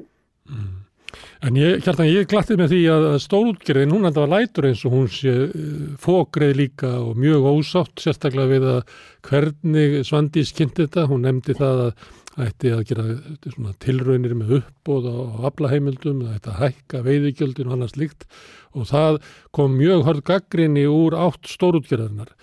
Er það eh, látalæti eða er þau fyrst og fremst að gaggrina það að, að, að ráðurann haldi sér ekki við svona tónin í nefndinni sem er kannski nær línu SFS?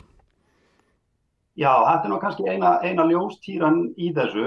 Uh, sko, SFS náttúrulega komið komi með fullir, eða þess að hérna, uh, gáðu þá að, að þau væru mjög ánað með þessa skýslu og að, væri, þessi skýsla bara, bent, hérna, bara staðfyrstir það sem að þau hafa alltaf sagt í sambandi við smábáta og, og, og, og í sambandi við kótakerfi. Sko. Þannig að þau voru mjög ánað með skýsluna.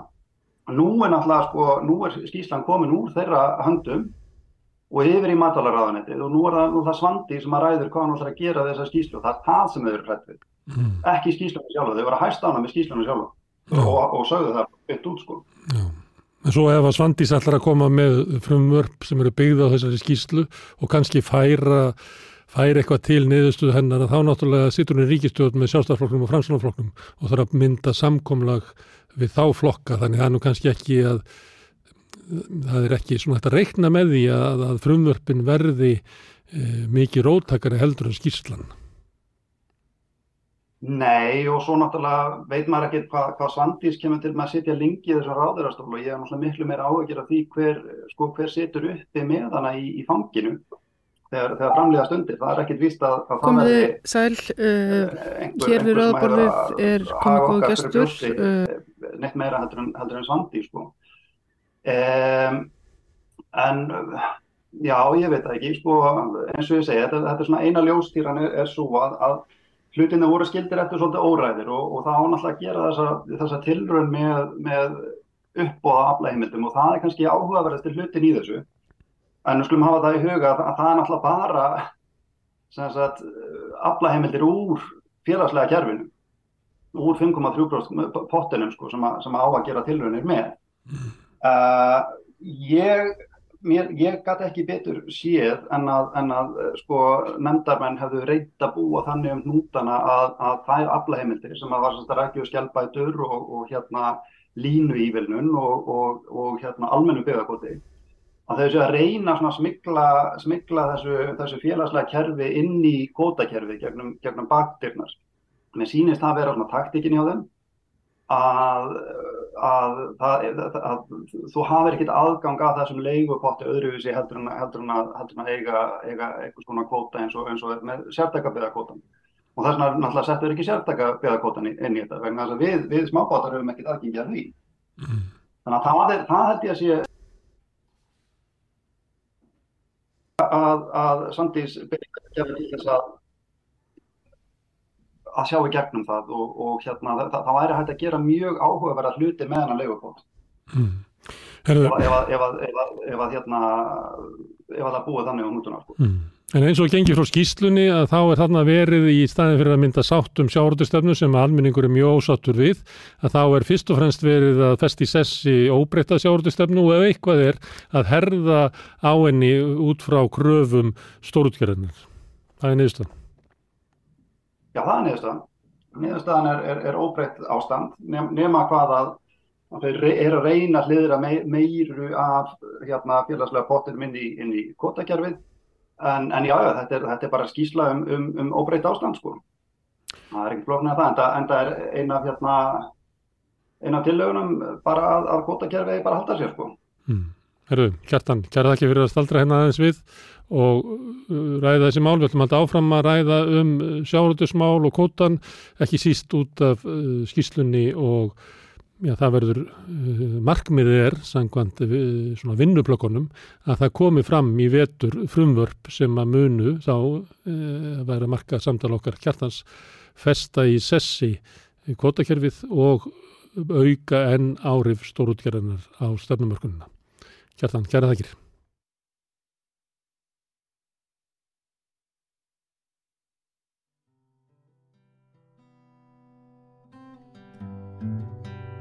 Já, í dag, 11. september, er þetta minnast þess að fyrir 50 árum sléttum eh, var gert valdarán í Chile og eh, Salvador Allende fjell fyrir eigin hendi að því er sagt er allavega og svona þegar við erum að senda þetta út að, fyrir slettu 50 árum var búið að fara með líkið á, á sjúkrahús og úrskurða hann látin. Það sem að fyldi og eftir var grimmileg, það var eiginlega gengið mill og bóls og höfus á, á vinstri reyfingunni í Tíle. Fólk var fangelsað á, á íþróttaleikvöllum og margir myrtir, sömur hurfu og margir flúðu landið. Til að horfa aðeins tilbaka aftur hef ég fengið til liðsvið mig Valdimar Þór Rappjusson sem er eiginlega sérfræðingur Rauðaborsins í málumnum Suður Ameríku, við stundum að tala við hann hérna um þau málumni. Hann, þú er nú statur í Paraguay eða ekki Valdimar? Jú. Jó.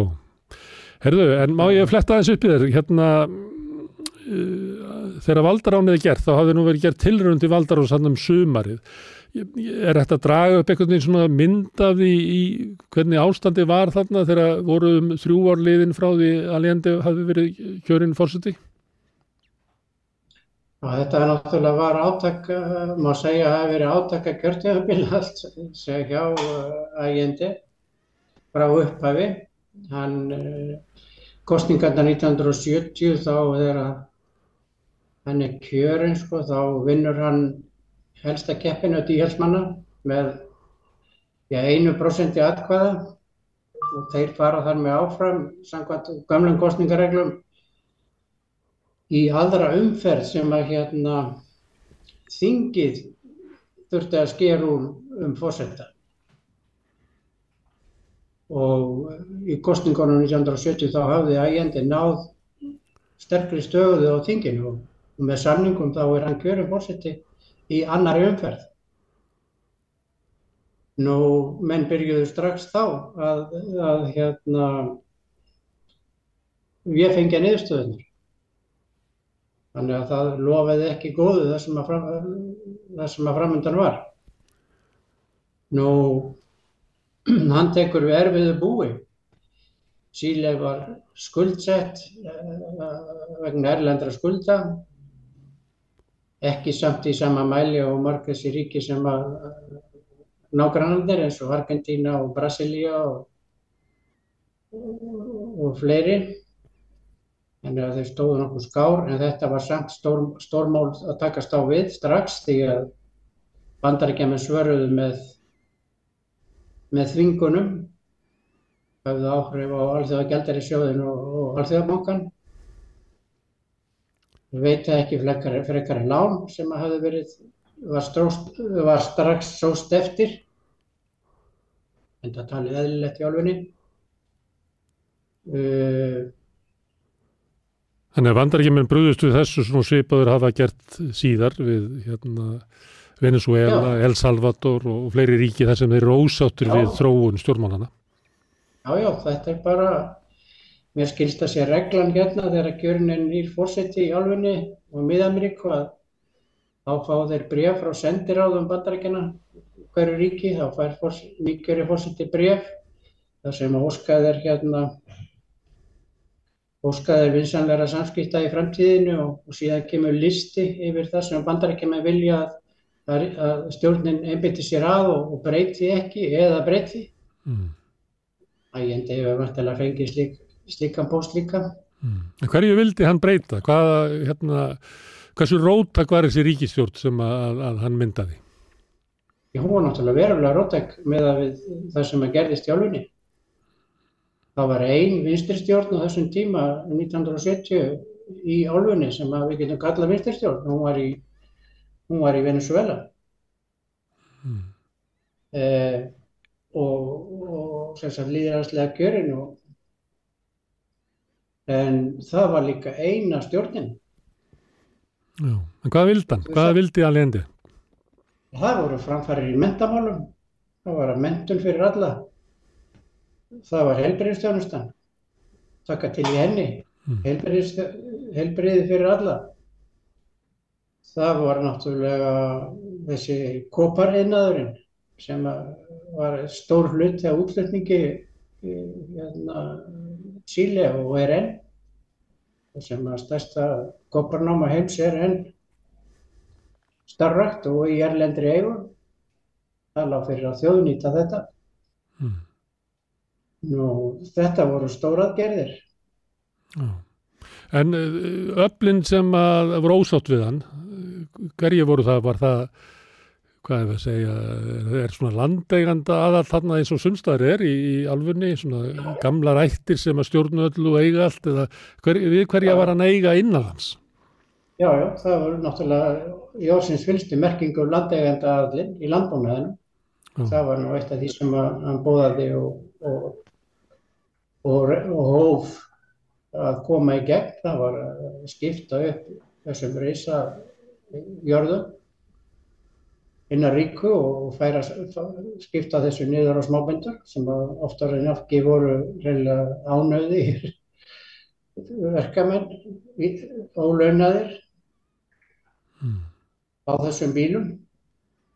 Það var eitt stort, en þetta er auðvitað eins og annar staðar í álunni, þetta er rauninni fjölskyldur sem að fjölskyldur og ættir langt aftur sem eiga og telja sig eiga það sem öllum áli skiptir, auðlindir og, og, og, og þjóðskipulag. Mm. En hann var í erfileikum, það var hérna, hann var með þingið á móti sér, Tíli er náttúrulega stort land og það voru átök við, það voru verkvöld, það hafði verið um sömarið, það hafði verið gerð svona tilrönd til valdaráns, þannig þetta var, voru gríðarlega átök. Já, þeir kölluði það þarna tankpúts. Mm. Hérna, þetta valdarán hérna fyrir um sömarið, tilrönd til valdaráns. Það tókst að hérna að stöðva það en þar kemur vantarlega helsti bandamaður Allende innan hersins Brats yfirhersaðingi mm. hann var nú tryggur Allende eiginlega til hinstur stundar. En um, og hann var svona tengilegur Allendes við, við herrin og hann hafði áður reynd að taka inn aðila á hernum til þess að reyna að læja þessar öldur sem að komu mjög fljótlega upp. Það voru greinilega öll innan hersin sem að ætluðu sér ekki að lefa um að komast upp með neitt móðurögg. Mm. Já, en svo kemur þessi dagur og þá er náður í völdum og... Þá er Prats búin að segja eftir, mánuði fyrr Já. og, og, og, og talar sérstaklega um það að, að, að það sé en örglega verið búin að vara við, vara ægjandi við hvað væri framöndan. Og ég tel vist að, að sovjerska leinithörustan hefur líka að vita hvað var í gangi. Já. Og hann verðst með sínu mönnum inn í fórstahöllinni og fellur þar að, að Já, fyrir eigin hendi. Uh, Pinochet er skipaður yfirhjómsöðingi mánuði fyrir valdarann. Mm hann leysir þessast pratsa af. Mm. og verið veri næstur í virðingarstegunum vendalega þannig að ægjandi komst ekki hjá því að, að skipa hann. Og það, það kostiði þetta. Mm. já þetta með að hann hafi hérna fram í sjálfsmór þetta voru svona fyrstu fréttir. Og hefur oft verið haldið fram. Það eru aðri sem haldið því fram hann er reynilega bara verið skotin en það hérna var líka að honum flutt á samt fleirum, fleiri líkum af samstagsmennum úr höllinni þarna um þetta sama kvöld. Já, það kemur fram með þess að ég frétt honum daginn eftir, ég var nú að byrta þær á samstöðinu bara fréttir íslenskar blada frá 12. september árið eftir, þá kemur fram að þarna voru meðal hans blada fullur og hans og fleiri sem hafðu fallið og svona ólíklegt að það hefur verið eitthvað fjölda sjálfsmór þannig inn í höllinni. Nei, það er, það er mjög óleiklis. Herðu en eh, hlutur bandaríkjana og bandarísku leinið þjónustuna, er þetta svona hluti af, af uh, þetta er náttúrulega hápunkti í kaldastrýsins, hápunkti svona valda bandaríkjana í, í Suður Ameríku þar sem var miklu ofbeldi beitt og, og, og raunverulega sömurlandum og í Tíli eftir byltinguna eða bara skipulögð útrýming á vinstri sinnum, sósialistum og, og marxistum. Já, þetta er, er mjög merkilegu tími í sögu álfunar því að þarna 1973 sko þá er þá eru tvö ríki í Suður-Ameríkur sem eru ekki undir herfóringastjórn Venezuela og Kolumbia Já. Allt hitt eru herfóringastjórnir Og sem alla njóta stuðnings bandaríkjana. nei, Nei, reyndar ekki. Það er einundatækling á því, það var herfóringastjórnir í Peru já, hún átti vinsanlega samskipti við, við hérna Sögutríkin og, og, og, og reyndi landa, að skipta upp landi og, og hérna við þekki þau málsóldið og sem sagt reyndi sumt af því sem að ægindi var að reyna í Chile. Já. Ég er ekki að mæla inn í bót eftir spáð. nei. En á eftir valdaráninu þessar daga sem að komu, sem sagt 11. september, 12. september, 13. september, 14. og 15. Þetta eru hörmungar dagar. Þarna eru margir drefnir, meðal annars Já, Viktor Jara sem að var drefin hann. já. Það er bara gengið hús úr húsi, leinithjónstan og, og herrlauruglan og, og herin og, og lauruglan ganga bara hreinlega fram í því að smala fólki saman á, á þjóðarleikangin og hann er gerður á fangabúðum. Og væntanlega aðstæðan þar og ekkert væntanlega, hún var notuð þar búningaðstæð og annað til, til yfirheysla og, aftaka hreinlega og Harra er, er myrtur fimm dögum eftir, eftir valdarannu þannig að og hann fór aldrei út af þessum leikkongi fyrir hann döður sko. Eftir að þeir höfðu lamiðan, það er, voru beinbrot, hvað voru 48 beinbrot og svo var hann skotin 20 sinnum. Þannig að þetta hefur verið, hefur verið, verið hryllilegt ástand. áttur sko Ha. þannig í hópbyggja og svo tugir kúlna Já.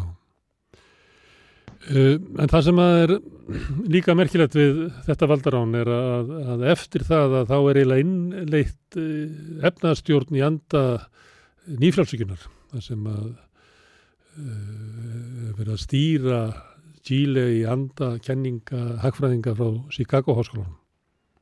já, já, þetta voru vinir Hannesar Rómstein sem að voru teknir þarna til sem æstu prestar í efnaðsmála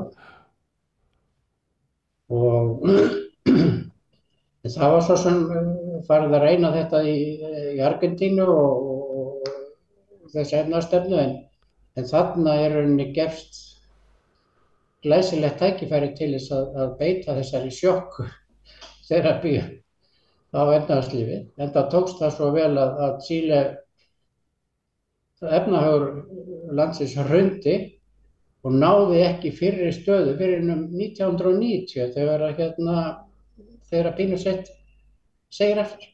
Já, Hann sem sagt kom, kom þjóðinni á vona völ og hélt henni þar. Það var ekkert efnahags undur, undir, undir stjórn nýfrálsvíkjunar á þessum á valdatíma hans. Nei. Það er algjörlega rætt. Sérst í öllum samanburði við önnur ríki álfunar að, Chile fjöll á öllum justum. Já. Árum saman. En vinstri hreyfingin eða málsvarar almennings í, í að þar var náttúrulega fórustan eiginlega bara strókuð út. Hún var strókuð út, hún var strókuð út með tvennumóti. Þeir sem gáttu flúið, þeir komast úr landi, heinir voru einfallega drefni Mm. eða hurfu. Þeir voru látnið hverfa ofan í námur og, sem hafði verið lokað og, eða, eða farið með á samkvæmt argetísku aðferðinni, flogið með það út á Kyrrahafið og, og styrta þar út á vélunum og svona. Þetta er alveg vitað. Þannig að í Chile ja, stundum vilja hægri menn halda þið fram að þeir hafa unnið hugmyndabarótuna á, í kaldastriðinu en það gleymist ofta til dæmis í Chile og mjög víðar þá var baróttan einfallega svo að sko vinstri sinnandi voru einfallega, einfallega drefnir. Já, það er sama og gerðist hér í Paraguay. Svo maður blandi því nú í, í málið, sko. Það, það er land sem er í sárum, sko, eftir áratuga hernaður einræði og opeldi sem tekur kynnslóðir að, að lækna þjóðina af. Sama er upp á tennum í Chile. Chile er, er algjörlega klófið samfélag í sárum. 30 árum eftir, eftir að Pínasett formulega afsalið sér völd. Mm. Þetta gerist ekki 1, 2 og 3. Þetta, þetta tekur kynnslóðir að, að lækna þjóða af, af svona áfall. Já, vegna þess að ofbeldið er svo yfirgengilegt og þetta... Svo yfirgengilegt. Já. Því ofbeldið er svo hérna, yfirgengilegt sem á sér stað á, á þessum tímabili þar sem að herfórugjörnir nota dauðasveitir eiginlega til þess að drepa alla anstöðu í samfélagunum. Já, já. Mm. Þessi hérna kondoraðgerð sem er nú bandaríkt smíð og hérna Kissinger er nú góðan þátti, þátti hérna, þeirri smíð Hún byggði meðal annars á því að, að hérna leinithjónustur herja og, og leinithjónusta kontorríkjana sem þessi, voru þessi einræðisíkjar sem öll, nánast, hafðu frjálsan aðgang að upplýsingum hverja öðrum.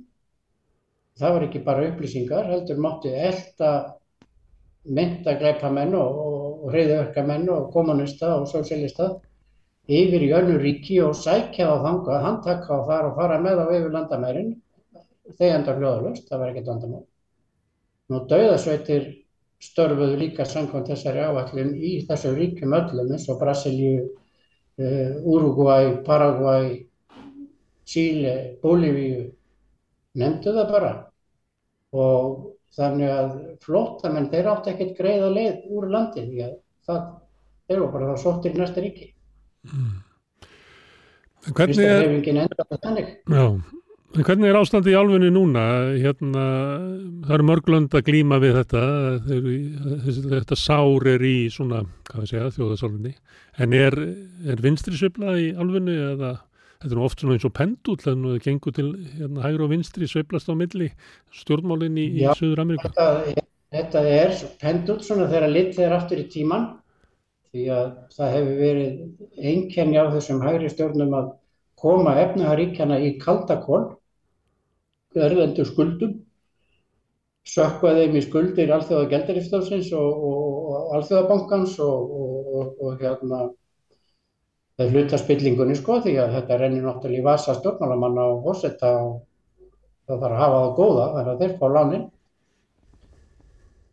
Almenningur missir vinnuna og og millistjættin klomnar og, næri hlutin efinn er lindir á göttunni þá fara menn að kjósa vinstrið ef að það, ef að það er í bóði sem hefur nú vilja verið í einhverju formi.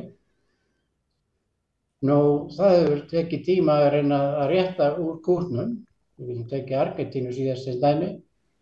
Það tók 15 ára að koma Argentínu nokkur neginn á lignum sjó að Magri er kjörinn fórseti 2016. Þá tók hann fjögur ára að sökva landinu í mestu skuldir í söguríksins sem að núna er verið að reyna að greiða í dólarum sem ekki eru til. Nú, fólk þegar að fjárhæðurinn batnar, þá vilja menni sem hefur verið bett á, þá kannski neyjast með frekar til þess, þess sem eru svona næri miðju, að kjósa þá sem að vilja verja innan, innan gæðsaleppa verja þau lífskjör sem menn hafa menn hafa öðlast á, á endurbúta tímanum svo kemur nýtt hrun. Menn gauðsum vittlust og þá kjósa þeir aftur úr vinstri.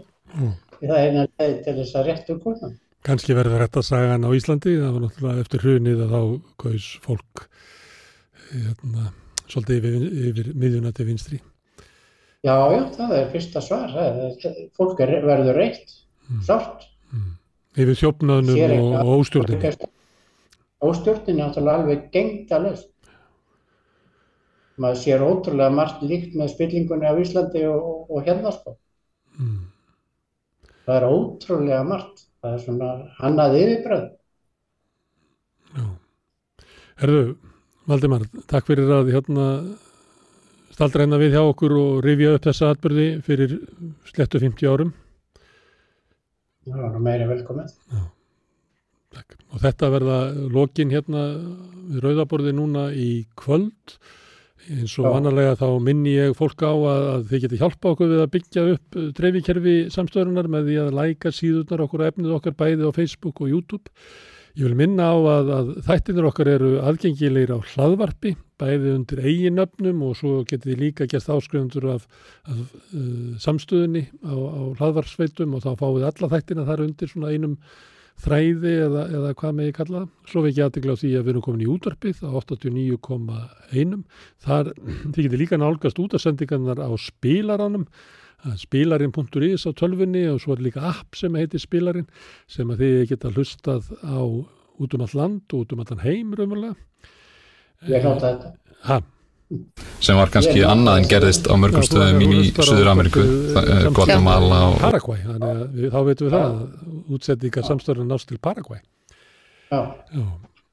En hérna, því sem við viljum styrkja okkur fjárhagslega getið farið inn á samstöðin.is, þar er knappur sem heitir áskrift, það kostar bara 2000 krónur að vera áskrifundur og með því að allir leggji bara lítið til að þá held ég okkur muni takast að byggja upp mjög öflugan og sterkan fjölmiðl í- sem samstöðin vill verða og hvet ykkur til þess að ef að þið eru aflugu fær að, að leggja til málana þannig að við fáum öfluga hérna, fjölmiðl.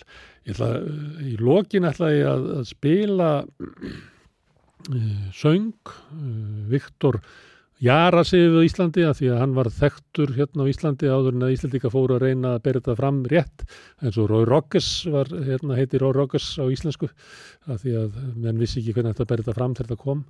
En hvað segir þú Valdimar? Segir maður Gara? Með svona.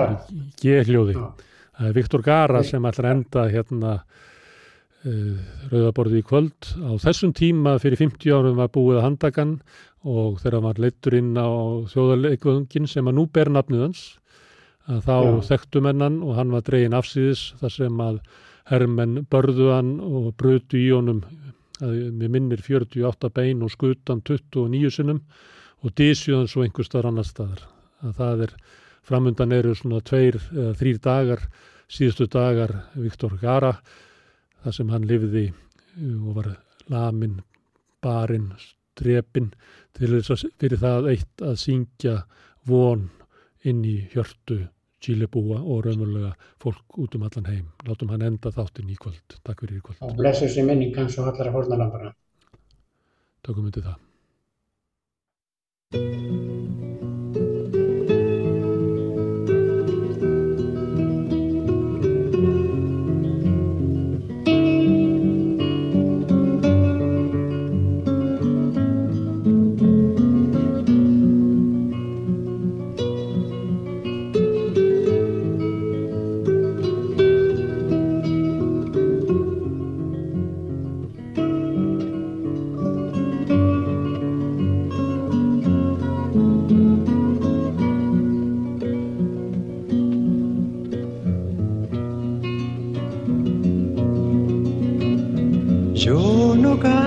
Por cantar,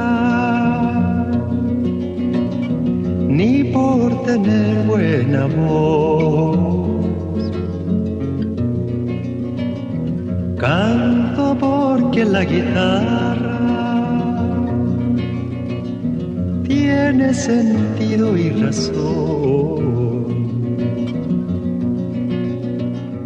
Tiene corazón de tierra y alas de palomita. Es como el agua bendita, santigua glorias y penas. Aquí se encajó mi canto, como dijera Violeta guitarra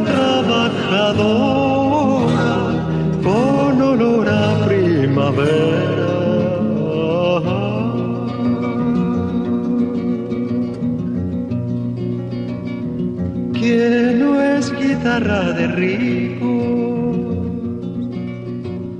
ni cosa que se parezca. Mi canto es de los andamios alcanzar las estrellas. Que el canto tiene sentido cuando palpiten las venas del que morirá cantando las verdades verdaderas, lisonjas fugaces ni las famas extranjeras, sino el canto de una lonja hasta el fondo de la tierra.